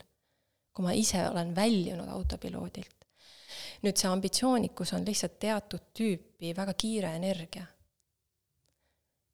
Ja loomulikult selle energia ülemäärane aktiivsus, eriti kui ta on autopiloodi poolt sätestatud, sest vaat noh, Äh, põletab läbi. ehk antud juhul ei ole nagu see, et, et see on halb, see ambitsioonikus. ei noh, selles mõttes energia kui selline, kiirendavat tüüpi energia ei ole halb. küsimus on selles, et kui ta on automaatpiloodil ja nüüd on nii-öelda peale jäänud, siis see on halb, sest ta põletab läbi lihtsalt. ehk sellise energia kasutamisel peab olema väga tark, kõigepealt tuleb ta autopiloodi pealt maha võtta ehk vabastada tema automaatne selline, kuidas ma ütlen, muster. ja siis nüüd, kui ta on autopiloodi pealt maas, sa saad nagu, et okei okay,, ma aktiveerin teda. kui kaua ma teda aktiivsena hoian. et sa vaatad, mis ta teeb sinuga, et ta su keha läbi ei põletaks, sind nagu liiga rahutuks ei teeks ja nii edasi. Kui suures doosis ma seda kasutan noh, et kas nagu natukesest piisab või nüüd on vaja nagu täiega anda. ehk sa muutud ise nagu ütleme, et see energia muutub sinu nagu elu toetajaks ja sina selle nagu juhiks ja siis see on loomulik. aga mitte, mitte siis nagu vastupidi, nii et see ambitsioonikus otseselt pole nagu ei hea ega halb. ja, ja mina ja nagu, kuidas ma ütlen, mina olen õpetatud nüüd, mu silmad on selle koha pealt avanenud et need on energiad, mida ma saan kasutada, nii et ma näiteks ise ei ole ei ambitsioonikas inimene ega ka mitteambitsioonikas inimene. ja kui ma nii ütleks, siis see tekitaks niisuguse väikse nagu pusle peas, et mis mõttes, et noh, et sa pead nagu ju olema üks või teine. ehk ma inimesena ei ole see energia ega see reaktsioon ega see kogemus, vaid mina olen see, kes seda suunab, juhib, kasutab, kui on vaja, ja ei kasuta. Mul on täielik vaba voli äh, nii-öelda tema jätkumisest vabaneda kui mul ei ole teda vaja. siis, kui mul on vaja lasta oma kehal puhata, kui mul on vaja öösel magama minna või kui ma tahan metsas jalutada, siis mingit ambitsioonikust sinna vaja pole. pluss see ambitsioonikus, nagu sa ise mainisid, ongi nii, et see on veel nii-öelda, siin on nagu mitu kihti, et sa, tavaliselt on see teatud soov tõestada. tõestada endale, tõestada teistele. ja selle tõestuse nagu, nagu sellise tungi all on enamasti mingisugune valusam äh, selline, kas siis äh, noh, ilmajäetus või tähelepanust ilmajätmine näiteks või, või, või mingi hüljatus, kõrvalejäetus, mingisugune selline valu, mis on ka emotsioon et see on natuke jälle nagu sibulakoored, et seal all on see valu, see on seal sibula sees nagu justkui, siis sinna peale tuleb see ambitsioonikus, siis sinna peale tuleb võib-olla veel midagi, et oh, on niisugune enesekiitus, noh, kas või endale, et oh, tegin ära, jess, on ju. ja niikaua, kuni see sibula tuum seal ei lahene, ehk püsib aktiivsena, see, see, see valu mm, -hmm. nii kaua need pealmised kihid ka on seal. ja see valu on jälle tunne ehk see on see, noh, minul näiteks oli, ma varasemalt oleksin olnud ambitsioonikas inimene, sellepärast et ma olin, mind, minule mõjus see nii, et kuna ma olin peres esimene laps, sündis teine ehk mu õde ja siis mul oli kogu aeg vaja võidelda tähe, vanemate nagu tähelepanu eest. ja, ja mind nagu lükati kõrvale, sest noh, ma saan ju ise hakkama, ma olen ju suurem, näed, see väike vajab tähelepanu. ja mul oli vaja kogu aeg midagi saavutada, midagi teha selleks, et nagu korraks tõmmata nende tähelepanu. aga seal all oli tegelikult see selline eemale nagu lükatus, teatud viisil hüljatus, abitus ja nii edasi. alles siis, kui ma õppisin kasutama teadliku muutuse kunstitehnikaid, sain aru, et need on ka emotsioonid. hüljatus on emotsioon selline eemale tõrjutus ja see, mida sa tunned sellel ajal, see noh, niisugune teatud, et sa pole nii väärt, ehk alaväärsus, see on emotsioon. Need emotsioonid vabastades nende aktiivsena püsimise, mis olid nagu kogu aeg sellises, vibreerisid nii-öelda seal sibula tuumas, kogu aeg seal aktiivsed, nendest vabanedes kukkusid ära kõik need ülemised kihid ja siis sa vabaned sellest, et see ambitsioonikus muudkui lükkab sind takka ja vabaneb ka loomulikult see, et sa noh, miks sa seda üldse teed. ja tulles siis tagasi kõige alguse juurde, tegelikult see, mis sa otsid, on headus, õnnelikkus ja see on täitsa olemas. jaa, ma selles mõttes samastun sellega, et äh, saan sulle rääkida ühe loos ja ma arvan, et kuulaja, kui on sattunud mõne episoodi peale, siis ta on seda kuulnud varasemalt, aga see on nii värskelt meeles ja nüüd ma tunnen, et äh, tänane elu äh, või, või elustaadium, kus ma olen, tahab mind viia veel tagasi nagu samale kogemusele või nagu kuidagi olekusse, et siin paar aastat tagasi, enne kui laps sündis, ma olin Euroopa reisil äh, kolm kuud, sõitsime siis Euroopas siis, no just nagu rohkem Hispaanias ja Portugalis ringi. ja ma mäletan, ma olin just üritanud hakata tegema Youtube'i karjääri inglise keeles, et läbi lüüa siis nii-öelda nagu reisivideodega. Mm.. ja noh, tegelikult juba nägin Eestis olles eestikeelse videosid tehes, et see, kuidas ma seda teen, üritas mingit sellist sügavust panna sinna, ütleme, meelelahutuslikku võtmesse, ei töötanud. inimesed ei tahtnud tarbida sellist sisu, neid huvitas ikka see, et on fun, vaata, ja mm. fun'i pole, siis me ei vaata.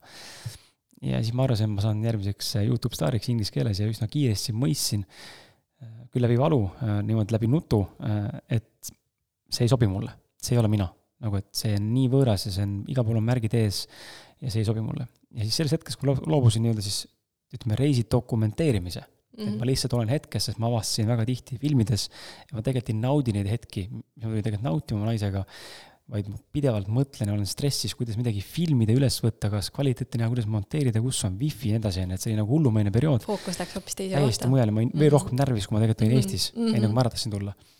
ja kui ma seal loobusin, siis ma mäletan, me olime üks konkreetne nagu äh, Tarifa lähedal, Marokost sihuke kolmteist kilomeetrit merest näed nagu Maroko tulesid õhtul mm.. sihuke rand, kus inimesed mm. siis oma karavanidega niimoodi, ma arvan, et äh, nende, mis on haagiselamud ja nende suurte bussidega siis äh, reaalselt, ma arvan, noh, sadu meetreid, kui mitte kilomeetrit oli rannapikkus, siis parkisid need üksteise järgi nagu külgboksina. siis me olime ka seal ja enda väikse autoga ja siis seal olime nädal aega koha peal ja seal mõistsin nagu esimest korda elus tajusin seda, et vau wow,, et ma olen mega happy ja mul oli ainult, äh, ainult oh, meri oli tol hetkel, naine, enda päevik ja null kohustust. ja siis ma sain aru, et uskumatu tegelikult, et äh, oled küll ambitsioonikas inimene, aga, aga praegu on nagu fantastiline olla, midagi tegema ei pea ja ei ole ka sellist süütunnet, et appi, ma ei tee midagi. ja täna on siiamaani see süütunne nagu kogu aeg taustal olnud mm.. noh, täna, kui ma sinuga seda salvestan ja kuulajad kuulevad seda muidugi peaaegu et kuu aega hiljem, kui see salvestus tegelikult toimus et ma ei saa rääkida, mis mul siis juhtunud on selleks ajaks, kui ma selle otsuse vastu võtsin mm, -hmm. aga mhm. täna ma näen, et ma teen teatud otsuseid juba, mis viivad mind tagasi sellesse, loodetavasti sellesse seisu või vähemalt ligilähedale sinna, kus ma olin, et saaks tunda jälle seda, et hm, ei peagi tegelikult midagi tegema selleks, et olla nagu õnnelik, sest ma, ma näen enda puhul just seda meeletut tõestamisvajadust. ja seal taga on valu, millest sa viitasid ka, täpselt mis valu see on, sellega ma üritan nagu tegeleda aga see on huvitav nagu näha ennast läbi, et, et me ikkagi, ma ikka, ikka olen kukkunud nagu sellesse rattasse sellesse maailmaga võistlemisse ja tõestamisse ja ühiskond survestab mingil määral ja siis lõpuks saad aru, et kurat, ei ole tegelikult seda vaja sellises mahus täna enam mm.. no väga hea ongi, et noh, ilmselt nagu sa ise, kui küsida, et see õnnelikkus, mis sa seal mere ääres tundsid, kas see on sul praegu ka? kui ma sellele mõtlen, siis on. siis on mul see kohe meeles. ma kogen seda. Äh, aga antud moment sinuga siin vesteldes äh, tunnen, et seda ei ole aga see on tekkimas tänu nendele sammudele, mida ma täna teen. jah, aga see näitab seda, et tema loomus on püsimatu mm, -hmm. põhimõtteliselt. ehk see on olemas veel üks headus, mis on täiesti püsiv. ma soovitaks äh, hoopis neid, seda, kuidas ma ütlen, kui vaadata nii-öelda, millises korvis oma öeldakse mune, panna mitu muna erinevatesse korvidesse või maasikat siis või kuidas iganes. Ma soovitaks äh, sinna korvi hoopis panustada, kus sa saavutad niimoodi sellise õnnelikkuse, et kui sa oled kord ta saavutanud, siis ta püsib. siis ta peab püsima ka, et sul ei ole nagu kogu aeg nagu on ja off, on ja off ja sa pead nagu õudselt, inimesed ütlevad, et endaga tööd tegema. mingit tööd ei ole vaja teha noh, lisaks siis, et õnnelikkust taastada, see on normaalne, õnnelikkus püsiv õnnelikkus, eh, sellepärast ära ei kaogi. aga sul on eh, see süütunne ja kõik muud asjad, mis siis seda normaalset õnnelikkust, mis sul ka on, varjutavad. vaata, kui sa ei kogeks neid süütunnet, seda sellist eh, noh, ebameeldivat osa ambitsioonikast drive'ist, võib-olla mõttetust, nagu sa enne mainisid seda depressioonist rääkides. kui sa neid asju ei kogeks kui neid negatiivseid kogemusi, noh, kui neid ei aktiveeruks sinu päeva, milline su päev oleks siis? loomulikult, ilma et sa peaksid kuidagi midagi eraldi forsseerima või, või püüdma olla. no nii väga, kui mulle see vastus ei meeldi ka endale, siis tahab tulla selline sõna nagu spontaanne, intuitiivne, hästi nagu sihuke voolav või? kas oleks õnnelikum ja rahulikum? kindlasti. No vot, aga see ongi, see ongi lahendus. tee õnnelikkuse poole käib läbi vabanemise negatiivsest. ainult nii lihtne ongi, aga siin peab sellist asja teadma, et vabanemine ongi vabanemine. mis ma tahan öelda, on see, et niikaua, kuni sa pole vabanenud süütunde iseeneslikust sissesõitmisest ambitsiooni iseeneslikust pealetulemisest. nii kaua noh, pole sa sellest vaba. Ehk see kordub jälle. ja vabanemine tähendab seda, et sa ei suru seda alla. sa ei püüa ignoreerida, et oo, seda pole olemas, ma vaatan mujale ei mata kinni seda? ei mata kinni, vabanemine ei tähenda ka seda, et sa räägid sõbraga ja tunned korraks, et noh, natuke kergem hakkas vabanemine ei ole see, et sa püüad mõelda selle üle. vabanemine tähendab seda, et selline, et sul on seljakotis mingi asi, sa võtad selle asja sealt seljakotist täiesti välja, ei püüa mõelda teisiti, et oi, see on siin tegelikult väga hea asi mul seljakotis, mis siis, et õudselt raske on, ega midagi muud sellist, ei püüa õigustada seda asja, võtad selle seljakotist välja ja paned maha ja lähed edasi ja sa oledki sellest vaba. Vabanemine tähendab seda, et sa ei pea selle asjaga enam mitte kunagi tege-, tegelema, ei püüa, ei pea seda näiteks tagasi hoidma, ambitsiooni puhul näiteks hoiad tagasi, oi, ma täna ei ole nüüd enam nii ambitsioonikas, püüan kontrollida, ehk sa nagu hoiad nagu hammaste taga seda kinni see ei tähenda, vabanemine ei tähenda act out'i, et ma elan selle kõik välja ja siis noh, täna tundub, et oli hästi nagu sihuke aktiivne päev ja et nüüd saad tast vaba. ei ole, homme hommikul on uuesti või viieteist sekundi pärast või õhtul lähed magama ja tulevad jälle uued mõtted oh,, aga neid asju peaks tegema. jah, ehk need on kõik äh, mingid muud manipulatsioonid, mis tekivad selle tõttu, et see autopiloot on endiselt aktiivne. kui me ühe lausega kokku võtaks, siis kui sa vabaned, siis ei pea sa tegelema ühegi manipulatsiooniga, mis tekib siis, kui see reaktsioon, olgu see siis süütunne või ambitsioon või kurbus, aktiveerub nagu noh, kõik, mis ta aktiveerudes kaasa toob. ja samas, kui sa ei vabane, siis sa jääd neid manipulatsioone kasutama lootes, et nad vabastavad sind. Mm. -hmm. et ähm, sul on, äh, see tehnoloogia on välja toodud, kuidas vabaneda, see vabanemine ise käib ülilihtsalt, see on viis sekundit, see ei ole mingi istumine, kellelegi rääkimine, päeviku kirjutamine, see on täiesti nagu kiirtee, hetkeline, instant, võiks öelda, sellest reaktsioonist, just sellest automaatsusest vabanemine.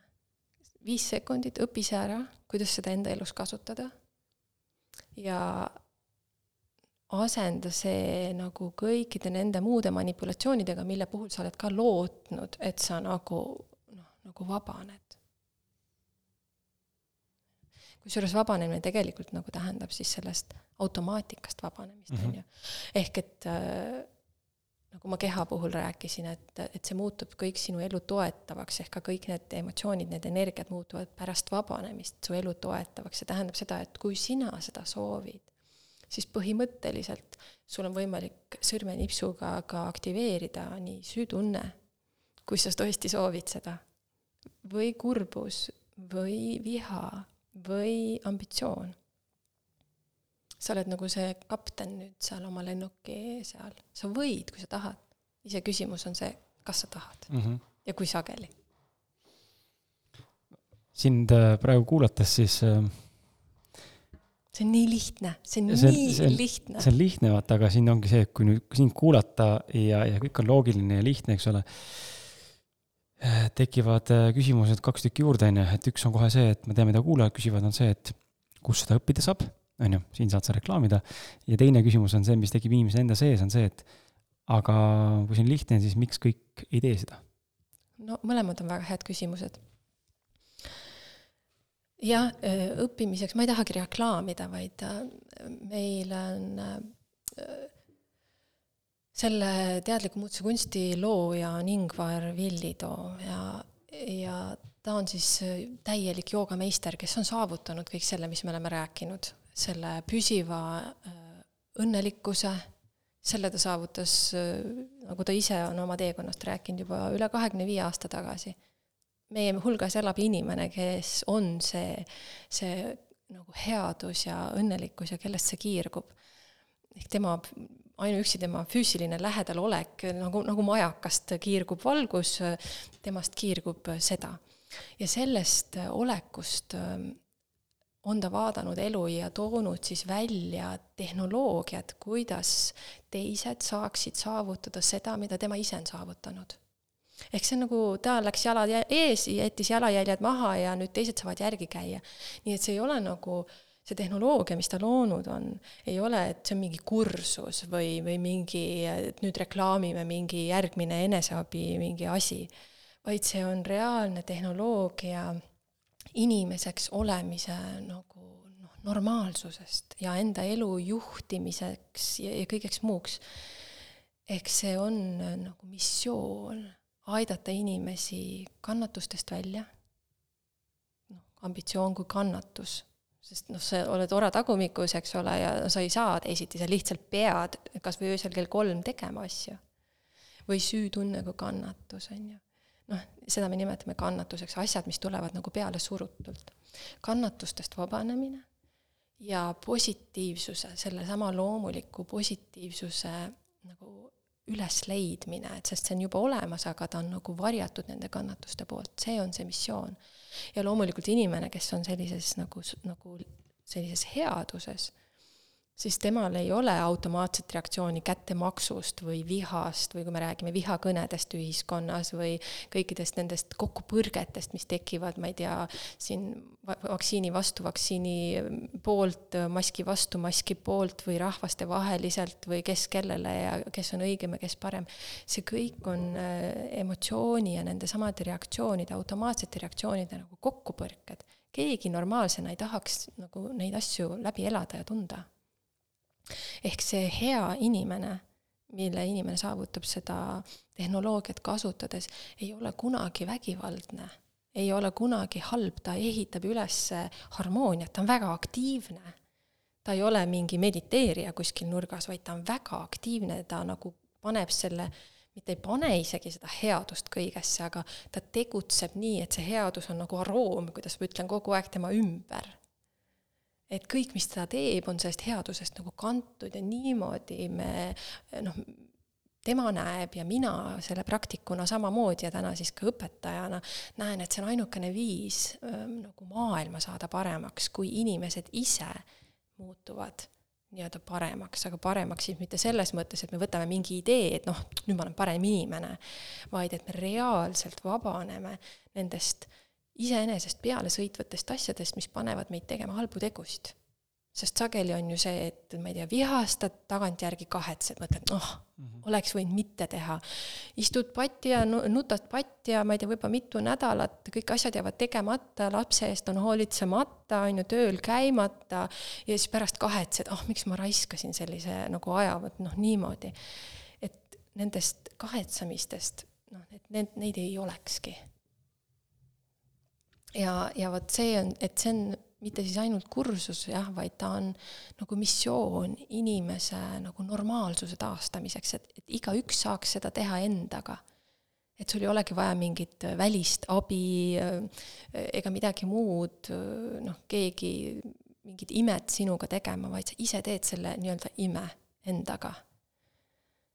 lihtsalt vabastad, vabastad, vabastad kõike seda, mis äh, noh on need tõrvatilgad meepotis mm.. nii et äh, see on siis see teadliku muutuse kunst, kus sellist vabastamist õpetatakse. mis see sinu teine küsimus nüüd oligi? miks kõik ei tee seda? miks kõik ei tee seda? seda teadmist ei ole enne olnud. tegelikult psühholoogias autopiloot on väga vana teadmine, kõik teavad, et see on psühholoogia, noh, kui näiteks äh, psühhiaatria residentuuris õpid, siis äh, seal on üks soovituslikust äh, kirjandustest on maailma tuntud psühhiaater Steven Stahl, kes on siis loonud, noh, kirjutanud väga palju raamatuid, kaasa arvatud psühhofarmakoloogia manuaali. ja ka tema seal räägib, et noh, näiteks ega ärevushäirete puhul põhiprobleem on autopiloot.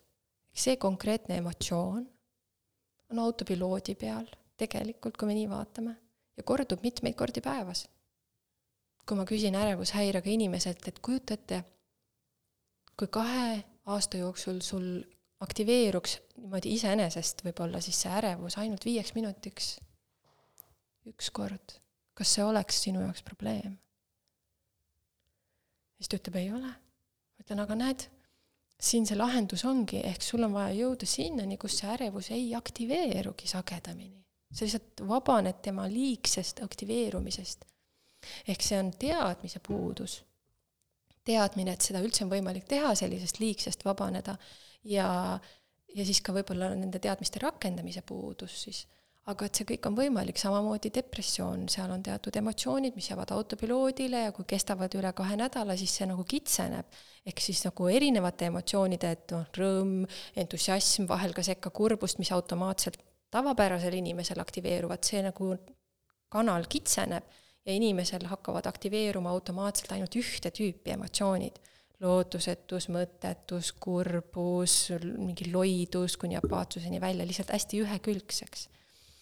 ja et sest psühholoogias on see autopiloot väga tuntud asi, aga selle kohta siis Kastal kirjutab näiteks seal õpikus, et eh, noh, ei ole täna lahendust sellele, kõik teavad, et see autopiloot on, aga me ei ole nagu eh, teadnud, kuidas temast vabaneda ja siis püütakse seda nagu laveerida, manipuleerida, noh, seda autopilooti kuidagi natukene noh, suunata, et ta nii hullult ei mõjuks või nii kahjulik ei oleks. ka need mindfulnessi õpetused, millest ma enne rääkisin pisut, õpetavad seda autopilooti märkama. et sa, noh, nad, see suurem hulk sellest nii-öelda mindfulnessi õpetusest on see, et sa märkad ja oled tunnistaja, et see protsess sinu sees toimub, püüad sellega mitte samastuda ehk et sina pole see kogemus ja jääd siia nagu taustale, aga ka seal ei ole seda järgmist sammu, ehk kui sa oled märganud midagi, mis on su elu äh, mitte edendav, vaid hoopis äh, nagu lõhkuv või kahjustav, et kuidas sellisest autopiloodist vabaneda. et seda teadmist lihtsalt pole olnud. aga siis Ingvar, äh, kuna ta on ise seda teed käinud, tal on alati olnud ka õpilasi, kes on olnud huvitatud ühesõnaga sellest, et kuule, jaga meile ka, mis sa nüüd tegid ja kuidas sul ja mismoodi sa nüüd selle saavutasid. ehk siis ta nende õpilastele on jaganud ju ka neid teadmiseid ja on vaadanud, et kas see õnnestub ka neil. kas töötab? kas töötab saanud tagasisidet ja selle kolmekümne aasta jooksul, mis siin Lilleorus tegutsenud on, on väga palju tagasisidet kogunenud. ja siis, kui TMK siis äh, nii-öelda avalikult esimest korda ta õpetas kaks tuhat kaheksa, ka sellest on juba väga palju aega möödas. ja siin on nagu tuhandeid inimesi, kes on siis selle tehnoloogia selgeks õppinud ja ütlevad, et jah, kui ma seda rakendan, siis see tõepoolest töötab. ja et seda lihtsalt pole olnud enne võib-olla ei ole olnud inimesi, kes sellist teed niimoodi oleks läbi käinud. sest äh, äh, siin tulevad ette need äh,, kuidas ma ütlen äh,, õppimisega või, või maailmavaatelised piirid noh, näiteks mindfulnessis ka, et märgatakse seda autopilooti, aga seal on see de facto nagu suhtumine, et see autopiloot on, me peame selle kuidagi nagu õppima, toime tulema, aga et see on nagu justkui normaalne osa inimesest, et sinu osa sinu nagu süsteemidest, ehk siis vitaalne tasand, mentaalne tasand ongi täis automatiseeritud ja sellega pole mitte midagi teha. Aga Ingvar pani selle küsim-, nagu kahtluse alla, et kas tõesti see ongi normaalne inimene kes nagu elab nagu robot, autopiloodi peal niimoodi seespool, et see noh, et kas see tõesti on nii, see oli nagu see küsimus. ja, ja siis ta avastas, et ei, see ei pea olema nii. et see tegelik inimene, inimese potentsiaal, see tegelik headus, kõik see, mida me tegelikult taga otsime, et just nimelt see tuleb siis, kui selline autopiloot, kuidas ma ütlen, ära optimeerida mitte sada protsenti võib-olla ära kaotada, sest mõned asjad on kasulikud, mis on autopiloodi peal, aga kaotada ära need asjad, mis on kahjuliku mõjuga. nii et tema pani need asjad küsi-, küsimuse alla, seetõttu ka avastas need ja seetõttu on võimalik ka noh, olnud seda edasi õpetada. ja aina rohkem inimesi teeb seda, et äh, selles mõttes varsti see küsimus ilmselt ammendub või aegub, et miks kõik seda ei tee, ma arvan, et äh, varsti teevad kõik seda, et peavad seda täiesti normaalseks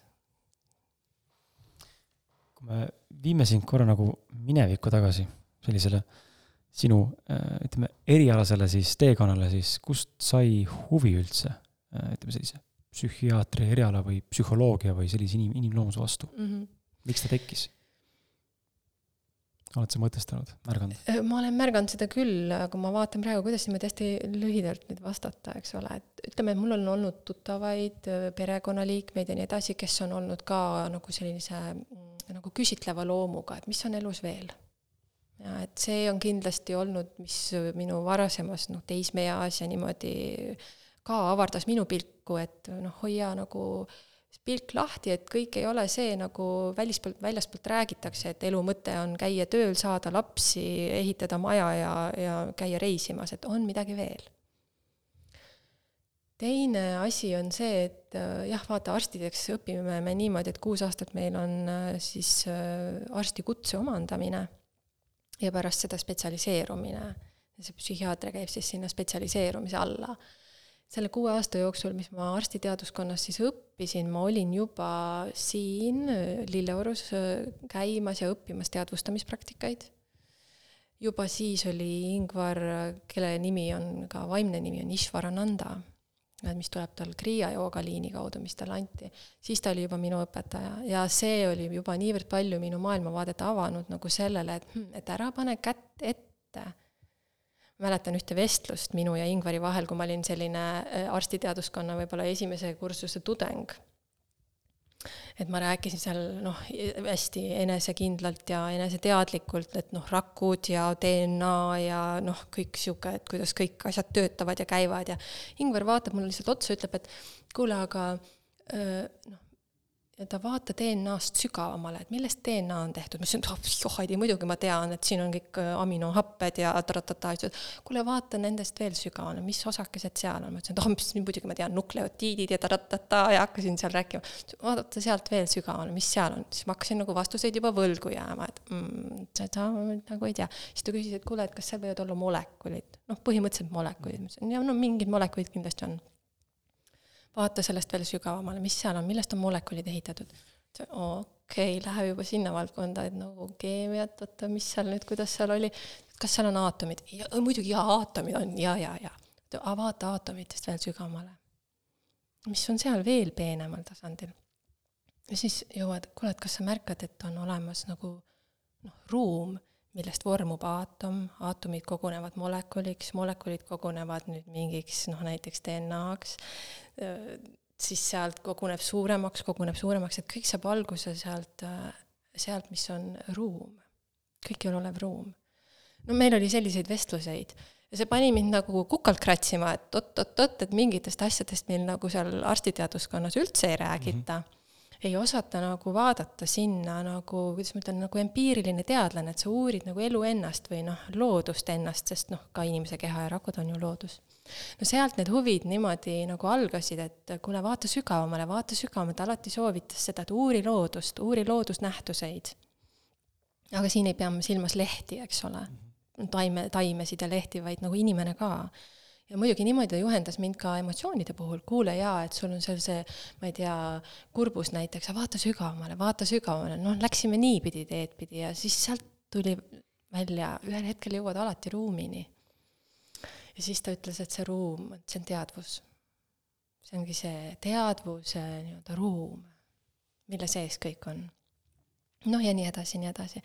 ja siis, kui ma selle, lõpetasin selle arstiteaduskonna põhiosa, siis oli minu jaoks nagu ilmselge, et psühholo-, psühhiaatria on ainukene kõige lähem äh, eriala äh, sellele, mis oli juba nii, niikuinii minu nagu fookuses ja huvi.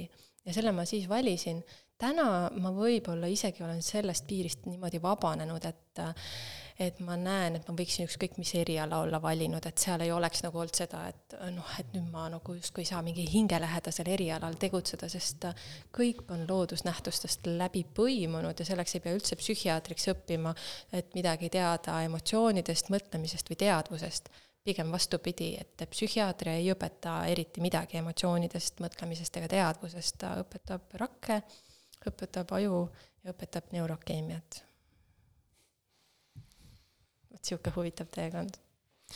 tõesti huvitav, sihuke veidi nagu heas mõttes provokatiivne, et, et suruti sind või suunati sind nii-öelda mõtlema natuke kastist väljapoole, laiemalt. no märkama elu nii mm, -hmm. nagu mhm. see meie silmade all tegelikult on.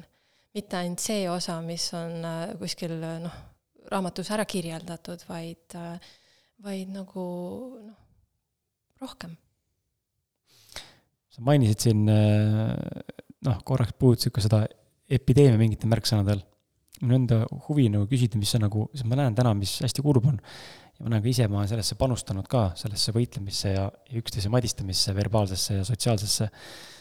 selge on see, et täna on nagu huvitav äh, olukord maailmas, kus nagu tegelikult, kohati nagu tundub, et tegelikult ei saa keegi aru, mis toimub. Äh, et äh, need, seal ka arvamused nagu muutuvad, eks ole, päevapealt ja hoiakud. aga kui me vaatame nagu tänast seda olukorda, siis oskad sa midagi soovitada, mida sina nagu näed või, või võib-olla olete siin ka omavahel arutlenud ja mida sa nagu näed, mis oleks tegelikult lahendus, kas on see siis, ma ei tea, kommunikatsiooniprobleem, on see reaalselt, ma ei tea, peaksime tõesti ennast aastaks isoleerima või, või on siin puhtalt psühholoogiline aspekt või on siin mingi, midagi muud nagu taustal, et mis, miks nii raske on nagu meil täna ühiskonnas üksteist läbi saada, sest et noh, siin on just nimelt ongi noh, väga tu-, täna tundub nagu täna, et vaktsineerimine või maski kandmine või, või mis iganes muud juurde veel, et sa ei saa enam mitte poolt valida. me kõik valime mingi poole, noh, automaatselt. seal tekib kohe hoiak, et ahah, ma olen see, sa ei ole see, järelikult ma ei suhtle, eks ole, või nagu, et mul tekib trots. et ja seda reageerimist ma olen ise märganud väga palju kõrvalt ja ise ka astunud reageeringusse ja mõnikord on väga raske ennast tagasi hoida, sest et sa näed, kuidas vastaspool lihtsalt niimoodi vajutab sulle mingeid trigger'eid. ja siis ma olen mõned korrad sinna sattunud sellesse võitlusesse ja mõned korrad on suutnud ka nagu ennast nagu öelda, et okei okay,, see, ma ei, ma ei lasku sellest tasandisse, ma ei soovi, sest et see ei, see ei vii nagu tulemuseni. aga mis sinu mõtted nagu laialt niimoodi on, sa ei pea ütlema, kas sa pooldad või mitte, see ei ole oluline, vaid just see, et mida nagu, mida nagu saaks nagu tegelikult teha paremini mm.? ütleme, et see olukord, väline olukord on toonud esile selle, mis inimeste sisemaailmas seespool tegelikult toimub. enne on see olnud samamoodi, aga see ei ole lihtsalt olnud nii, nii selgelt esil enne on nii, et läksid närvi ja siis noh, läksid kinno või shoppama või viskas üle, läksid reisile, aga nüüd ei saa seda teha. eks su nagu need võimalused viia fookus mujale läbi mingi tegevuse, need on kardinaalselt kokku tõmmatud ja seetõttu sa oled rohkem silmitsi sellega, mis sind tegelikult seespool kogu aeg on olnud. samamoodi, eks ole, pered on koos kodudes enne käisid igal pool, see oli ju teatud vaheldus mm, -hmm. eks, ja kui on vaheldus, siis aktiveeruvad vahelduseks teistsugused reaktsioonid. ja siis tundub, et noh, need, mis ma seal kodus kogen, polegi nii hullud, sest noh, teised nagu noh, on ka need teised reaktsioonid, et mis sa seal töö juures tunned või jälle kuskil noh, mingi entertainment. aga nüüd sa oled nagu nende kodus ja, ja needsamad reaktsioonid on hommikust õhtuni ja sa ei saa nagu põgeneda nende eest, sest kuhu sa põgened enda sisemiste reaktsioonide eest. isegi kui sa lähed mere äärde jalutama ja mõtled selle peale, mis kodus kõik toimub, siis ikkagi sa nii-öelda enda sisemaailmas oled selles samas nagu keskkonnas nii-öelda. kuigi su keha on füüsiliselt teises keskkonnas, oma sisemaailmas oled sa endiselt seal. samas kogemises. just.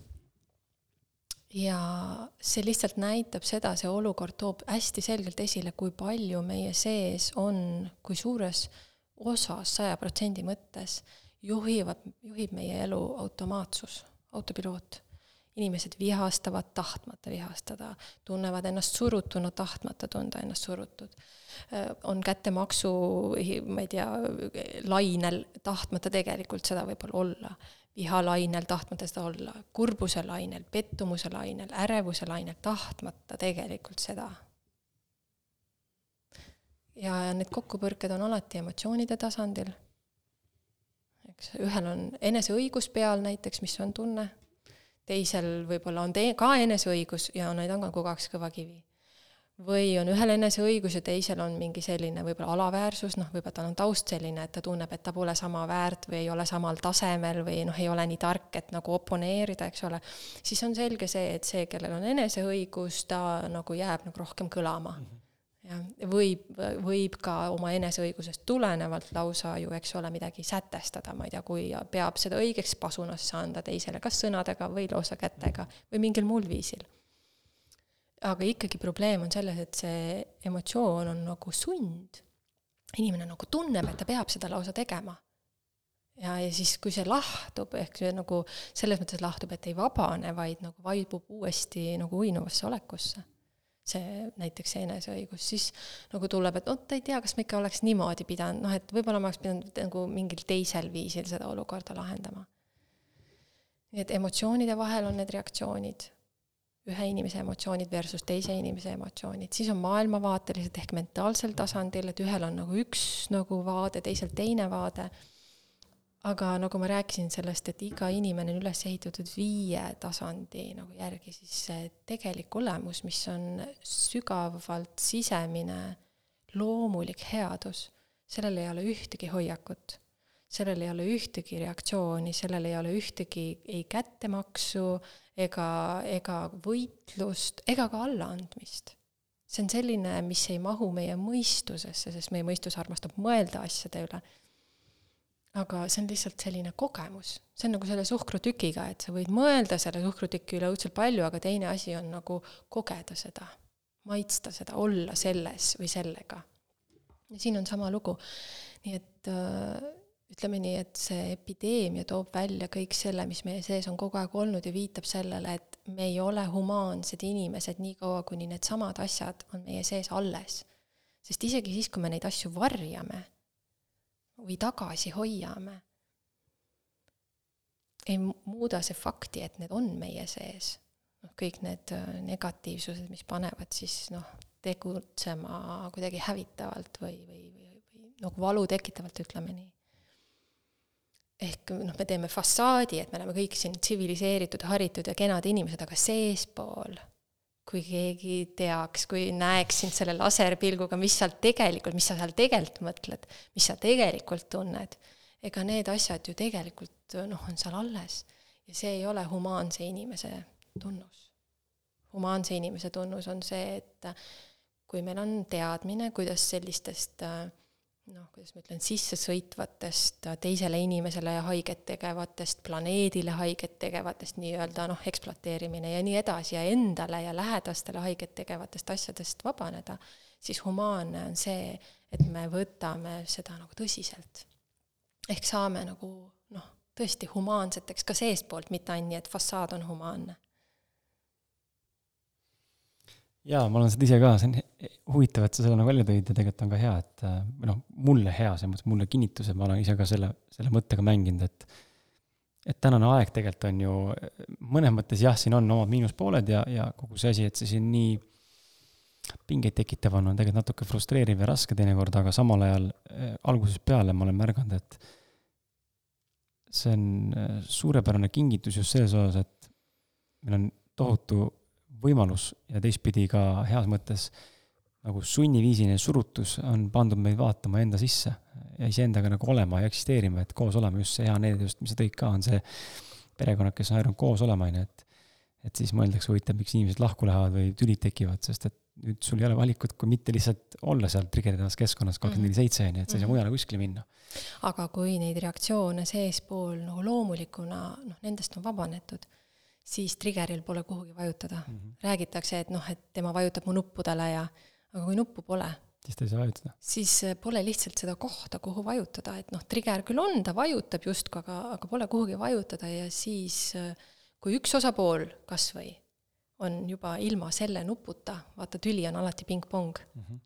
kui üks osapool on ilma selle nuputa, siis see pingpong enam ei lähe edasi ja see tüli ei kasva. Aga noh, hästi oluline on see, et võib-olla mitte nagu, kuidas ma ütlen äh,, nagu jätta ühekülgset sellist vaadet, et oh, kogu aeg on vaja iseendaga tegeleda ja nii edasi, see on nagu interaktsioon, mina ja maailm. selles mõttes, et sisemine, et mis sa enda sees teed, see kõik kajastub ka väljaspool, noh nii selles, mida sa räägid, kuidas sa käitud, aga tegelikult ka meie suhtumises kõigesse. vaata, kui ma tulen selle juurde, et noh, suhe loodusega, kui me vaatame kõigepealt inimest ennast kui ka ma ei ütle looduse osa, et mullast me oleme tulnud ja mulda me läheme, see on meie füüsilise keha kohta nii. aga kui ma rääkisin enne, et me teadliku mutsukunstis vaatame inimest mitte nagu ühte mingit suurt kängart, vaid äh, nagu noh, eristame erinevaid siis nagu funktsioone või kihte, siis see inimese tegelik olemus, see tegelik mina on hea ja sellele olemusele, sellele headusele nüüd loodus on andnud juurde nagu asju või töövahendeid või võimeid või kuidas me iganes seda nimetame. meile on antud võime teadvustada. tänu teadvustamisele me märkame. ja sa võid selle märkamisega märgata mida iganes. sa võid selle märkamise abil märgata positiivset, sa võid märgata negatiivset, sa võid märgata kõige kõrgemaid asju ja kõige madalamaid asju, sa võid märgata sissepoole ja sa võid märgata väljapoole, ehk märkamine on täiesti universaalne ja märkamine ei tee vahet, seda ma märkan, seda ma ei, nagu justkui ei taha märgata. ehk märkamine ise on täiesti fantastiline töövahend, mis on nii-öelda looduse poolt antud juurde. meie mõtlemine on võimekus töödelda datat. see on teatud oluline võimekus mis meile on antud nagu juurde, meie emotsioonid on energiat, me võime neid vaadelda kui, kui loodusjõudusid. ehk selles mõttes loodusjõudusid, et noh, näiteks nagu aastaajad on loodusjõud, et me vaatame, et kevad teeb kevade tööd ja kevad ei tee kunagi sügise tööd ja, ja kusjuures mida iganes sa sellest kevadest või sügisest arvad, kas sa vingud sellega, irised selle üle või meeldib see sulle, see aastaaeg jääb ikka selleks aastaajaks ja teeb ikka oma tööd edasi, ehk tal on nagu teatud nagu roll, mida ta teeb ja seal meie väliskliima määravad siis need aastaajad, mis väljas on, need neli. aga meie sisekliima määravad emotsioonid, ehk need on meie sisemised nagu aastaajad ja neid on üle saja viiekümne. ja nüüd, kui need automaatselt aktiveeruvad niimoodi pilla-palla, siis sa ei tea, mis kaos siin, kord on siin tornaadod seespool ja siis on äikesepilved ja siis on välgud ja, ja kas see päike üldse, päike üldse seespool välja tuleb eks, et see kõik muu täidab ära, aga ka need on siis need sisemised aastaajad nii-öelda, ehk need on ka loodusjõud need emotsioonid. meile on antud inimesena tohutult palju, mida me saaksime kasutada, aga me ei oska. ja seetõttu me, meie elu, see kõik, mis meile on antud, seda on nii palju, et nüüd selles oskamatuses me oleme nagu, nagu ma ei tea, mingid noh, ma ei tea, kaheaastased tuumajaamas et nagu vajutaks igasugustele nuppudele ja vajut-, pannaks igast asjad sisse, tegelikult nagu ei ole nagu arukad, et kuidas neid vägevaid asju kasutada noh, kas või näiteks emotsioonidena viha, kui vägev jõud see on, milline tohutu energia see on, see, kui see on autopiloodi peal, on see kurjast, sest noh, siis see enamasti lammutab. aga kui ta autopiloodi pealt vabastada ja nüüd sul on lihtsalt selline energia, selline jõud kasutada mida sa kõike võiksid tegelikult nagu tulenevalt oma sisemisest nüüd õnnelikkusest või headusest, ehk kui headus kasutab sellist jõudu, noh, budismis nimetatakse seda compassion'iks ehk kaastundeks, kui see kasutab sellist jõudu, siis kujutad sa ette, kui me noh, mida me saaksime nagu inimestena teha. ehk meile on looduse poolt antud see ja loomulikult on meil looduse poolt antud ka meie keha. aga me vaatame seda niimoodi, et meile, me oleme kogu aeg suhtes loodusega juba ainult endas nagu inimest vaadates, üldse mitte vaadates veel, mis meie ümber on, eks ole, et päike ja taimed ja puud ja mets ja planeet Maa ja kõik toit, mis ta toodab. ehk meie suhe loodusega on juba seespool väga vilets, ehk me ei näe, et me oleme tegelikult ainult kasutajad. ja me peaksime kasutama nagu hea peremehelikult, arukalt ja tänuga et mulle on antud neid asju kasutada. ja samasugune vaade, nagu inimesel on seespool enda sisemisele loodusele, tegelikult see laieneb siis ka välimisele loodusele. ja kuna me seespoolt oleme enda looduse suhtes üsna ignorantsed, sellised, ei ole siin seda tänu, pigem on see, et issand, see nõme emotsioon tuli jälle või miks ma jälle ennast tunnen kurvalt ja ma ei ole sellega nõus ja meil on selline antagonistlik suhe seespool me oleme mõtetega rahul ja kogu aeg on siin selline nagu noh, ikka pahasti-pahasti, siis seesama suhe on ka loodusele. ja kui me nüüd selle epideemia juurde jõuame, et siis nii, nagu meie oleme teinud nüüd selle välise loodusega, aga see on nagu laiendus või pikendus sellele, kuidas me põhimõtteliselt käitume sellega, mis meile on antud kui kasutajad. on, öeldakse, et kui loodus läheb balansist välja, ehk inimene kasutab teda mitte heaperemehelikult, ekspluateerides, mitte tänutundega ehk mitte vaadates jätkusuutlikkust ja nii edasi, et siis loodus taastab ennast ja kui loodus ennast taastab, siis loodus taastab ennast väga jõuliselt, põhjustades nii igasuguseid äh, tornaadosid, üleujutusi, mhm. maavärinaid, vulkaanipurskeid, igasuguseid asju, kaasa arvatud äh, igasugused muud eluvormid, mis siin eksisteerivad, näiteks seesama epideemia. ja, ja öeldakse, et loodus taastab ennast, aga kas inimene oma füüsilises kehas seda kõike üle elab, see on iseküsimus nii et meil on vaja nagu, mida mõnikord inimesed kirjeldavad, kui nad lähevad mingisse suur mäe, mägedesse, et nad tunnevad ennast nagu humbled ehk nagu sina oled see nagu suure, suure tohutu loodusega silmitsi.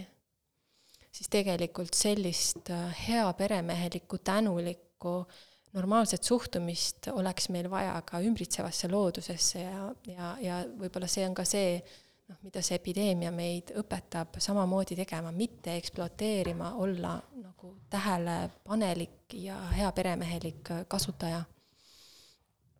et me saame palju õppida selle noh, epideemia käigus, mida ta nagu noh, meile avab meie enda suhtes, meie suhte suhtes ümbritsevaga, iseküsimus on, kas me märkame, kas me laseme autopiloodil edasi oma vanu asju äh, või me nagu vaatame natukene, võtame selle aja ja hakkame no vaatama. see on nagu Ingvar mind juhendas, mine sügavamale, vaata sügavamale, vaata, mis siin veel on, kas see tõesti on ainult nii, nagu sa noh, oled Õhtulehest lugenud või, või kas või ülikoolist õppinud, nagu ka noh, vaata ise.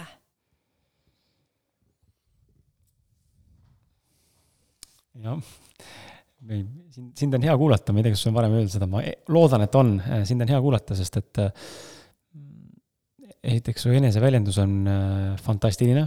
Mm.. no tore kuulda, ma loodan, et kuulajad ei ole minu pikkadest vastustest kuidagi ma arvan, et ei ole. et see on fantastiline eneseväljendus ja sõnakasutus ja sinu tämber ja sinu see diktsioon ja jutu kiirus äh, on ka selles mõttes hästi, ta on, ta on niisugune kesk, ütleks, et keskpärasest aeglasem, aga ilmselt teed seda teadlikult ka, et see sõnum inimestele paremini kohale jõuaks tänases antud, noh, selles formaadis, kus me praegu oleme aga, aga seda on hea kuulata, et hästi, hästi lihtsasti jõuab nagu mingi mõte või, või point nagu kohale, isegi kui ta on pika nii-öelda vastusega, siis tegelikult seal on see kandev äh, sisu ja kandev nagu nii-öelda teekond selle vastuseni. Mm.. nii et äh, väga lahe, väga lahe. võib-olla sa tahad mingeid äh, lühikesed küsimused veel küsida, millele ma vastan ühe lausega või ei või jah, et oleks selline nagu lotto, loterii siin lõpus veel sest ma tean, et sul oli väga palju igast ägedaid küsimusi seal nagu ette valmistatud. jaa, ja kui ma neid vaadanud olen siin äh, tänase saate jooksul siin, siis äh, sa oled tegelikult päris paljusid vastanud, ähm, ilma et ma oleks pidanud küsima seda. Ähm, mm. kas siis otseselt või kaudselt ja see tegelikult suht tihti juhtub ka, mis on hästi huvitav. Äh, kui ma neid saate küsimusi üles ehitan või saadet üldse üles ehitan ja küsima mõtlen, siis väga tihti need vastused lähevad ise läbi ühe küsimuse teise küsimuse vastuseni, ilma et peaksin neid küsima, et äh, see on hästi huvitavalt täheldada seda ja täna on samamoodi, et siin väga ei erine sellest, et jah, siin on mingisugused üksikud, üksikud, mis ma olen siin vaadanud, noh näiteks kannatustest vaba on ju, tegelikult sa ka seda mainisid, on ju, mhm. eraldi suurem küsimus selle kohta olemas. ma küsin siia lõppu äh, tänulikkuse kohta, kuna sa tänulikkust eelmises vastuses natuke mainisid, äh, vähemalt ühe, noh, napisõnaliselt, räägiks äh, korra veel tänulikkusest, et äh, mis see sinu jaoks on ja, ja kui oluline see on, mida see tegelikult nagu sinu jaoks tähendab, et noh, me räägitakse siin sellest, et ole tänulik, eks ole, pea päevikut ja, ja siis tuleb see küllusteadvus ja, ja nii edasi, aga mida see tänulikkus sinu jaoks tegelikult tähendab mm? -hmm. kuidas seda siis praktiseerida äkki või miks mm -hmm. seda peaks praktiseerima mm? -hmm. see on lähtudes jälle sellest ähm, manuaalist, mida siis DMK annab ja mida ma kasutan igapäevaselt, see viis tasandit. Tänulikkus on äh, minu tegeliku mina loomulik seisund. ma saan aru, et mulle on palju antud. ja ma olen tänulik selle eest. ja minu arukus peab seisnema selles inimesena, ehk ma pean arendama oma arukust, et seda, mis mulle on antud, hästi kasutada sellise tasandi tänulikkust äh, selles mõttes ei saa arendada, vaid sellise tasandi tänulikkus äh, ilmestub aina rohkem ja rohkem siis, kui vabanetakse tänulikkuse vastandist.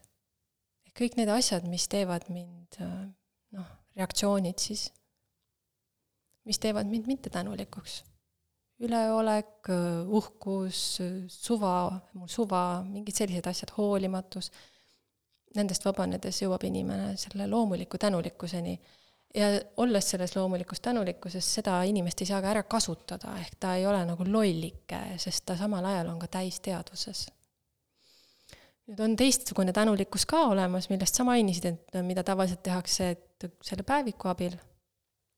see on selline idee noh, nagu et ma hakkan olema tänulik. mõistusega. ja, ja hakkan nüüd märkama nagu neid noh, asju, mille eest tänulik olla, nagu märkama neid positiivsuseid. Kindlasti see on ka parem kui mittetänulik. aga ta siiski on nagu mentaalsel tasandil, ta on idee ja siis püütakse seda tänulikkust tõepoolest kultiveerida ja sellisel puhul toimub vitaalse tasandi ehk emotsioonide nagu sagedam aktiveerimine aga ükskõik, millised emotsioonid saavad aktiveeritud, ükskõik, millised ideed sul mõistuses on, see ei vii äratundmiseni, mis on see sinu enda sügavas loomuses ehk sinu enda olemasolust imbuv headus ja sellega kaasnev tänulikkus. Need on täitsa noh, need teed, emotsioonid ja mõistuse teed ei vii sinna. Nad on erinevad asjad. üks jääb püsima ja on loomulik, teised on kultiveeritud, noh, kunstlikud selles mõttes, et sa nagu noh, arendad neid. minu jaoks on see tänulikkus, noh, ilmselt aimad juba siis äh, see päris tänulikkus. Väga hea vastus on see. Äh, jälle midagi, mida ma tegelikult üldse, üldse ei oodanud. aga väga hea vastus. et äh, pani ka mind mõtlema jälle, et ma ise olen ka rohkem huvitav on see, et ma olen tänulikkusel märganud, et mingi aeg oli seda hästi palju, just nagu seda mõistusest tulenevalt, et kas päevik või siis oma peas kuidagi mingi ette tooma mingeid mõtteid ja üritan märgata, et aa, kihvt ja tore ja, ja teinekord oledki päriselt tänulik mingite kogemuste või situatsioonide või asjade eest ja see on hoopis nagu teise sagnet-, sageduse signatuuriga nagu see tänulikkuse tunne. Ja ei ole ka nii forsseeritud ega võlts, äh, noh, jutumärkides võlts siis. ja, ja samal ajal ma näen, et minu, minule nagu endale ei, ei meeldigi nii väga tegelikult seda päevikut kirjutada sellisel viisil ja ma nüüd loen nagu kirjutan üles või loetan üles nagu niimoodi noh, mingisugused paar punkti, eks ole, see on kuidagi hästi peale surutud, et see ei tule, see ei ole nagu ehe ja ma päriselt ei tunne tänulikkust sel hetkel mm. -hmm. Ja... ta on olnud selline noh, kuidas ma ütlen, parem kui jälle mitte midagi, katse muuta natukene meid inimestena humaansemateks. sest on selline õhkõrn teadmine või aimdus, et humaanne inimene on loomulikult nii-öelda tänulik, aga noh, see ei ole selline tänulikkus, et sa käid nagu noh, ukselt uksele ja oled kuidagi ülevoolavalt -hmm. tänulik, see on niisugune hästi normaalne suhe sinu ja nii-öelda looduse ehk kõige vahel, mis sind ümbritseb. ja, ja noh, see tänulikkus ka enda nii-öelda siis kasutada olevate süsteemide osas, ehk ma ei ütle iseenda suhtes, vaid siis kõige selle suhtes, mis sulle on antud lisaks, ehk mm -hmm. mõtete osas, emotsioonide osas, keha osas ja teadvuse osas räägi, kust äh, kuulajad, kes täna meil kaasa kuulanud on, kus nad sind leida võivad, kus, kus, kus saab sinu kohta informatsiooni, ma ei tea, on sul koduleht, blogi? jaa, ma just teen oma uut kodulehte, et see praegune on üsna vana, ma arvan, et selleks ajaks, kui see üles läheb, on see juba olemas, et see on helenalass.com. et eh, minu enda nimi psühhiaatrina ma olen vastuvõtte teinud ühe teise kodulehe alt, aga seda, selle leiab ka sealtsamast äh, minu juurest ja kindlasti leiab minu kohta äh, infot äh, minu kui teadliku muutuse kunsti nüüd õpetaja kohta human.ee. seal on üleval kõik õpetajad, kellel on õigus edasi anda sellist teadmist Human nagu human siis? Human, jah, inimene, inim-, inim-, inimene ja inimlikkus. väga lahe.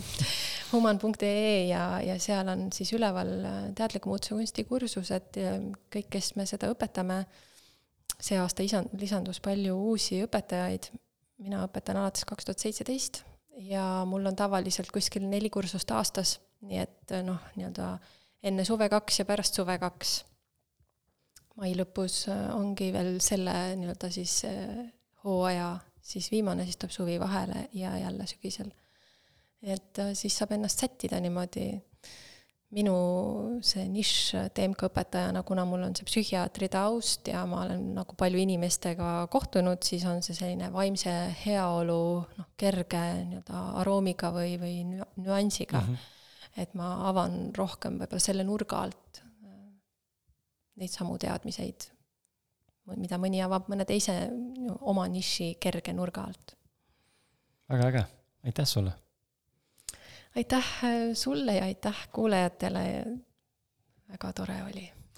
jaa, aitäh ka sulle minu poolt, äh, armas hea kuulaja äh, ega siin ei olegi rohkem midagi soovitada või, või sul paluda, jaga seda saadet, ainus asi, mis sa teha saad lisaks enda, enda avardamisele on siis jagada kellegagi, kellel võiks sellest kasu olla ja, ja aidata siis Helena sõnumil ja minu saadetel siis äh, levida rohkemate kuulajate, rohkemate kõrvadeni.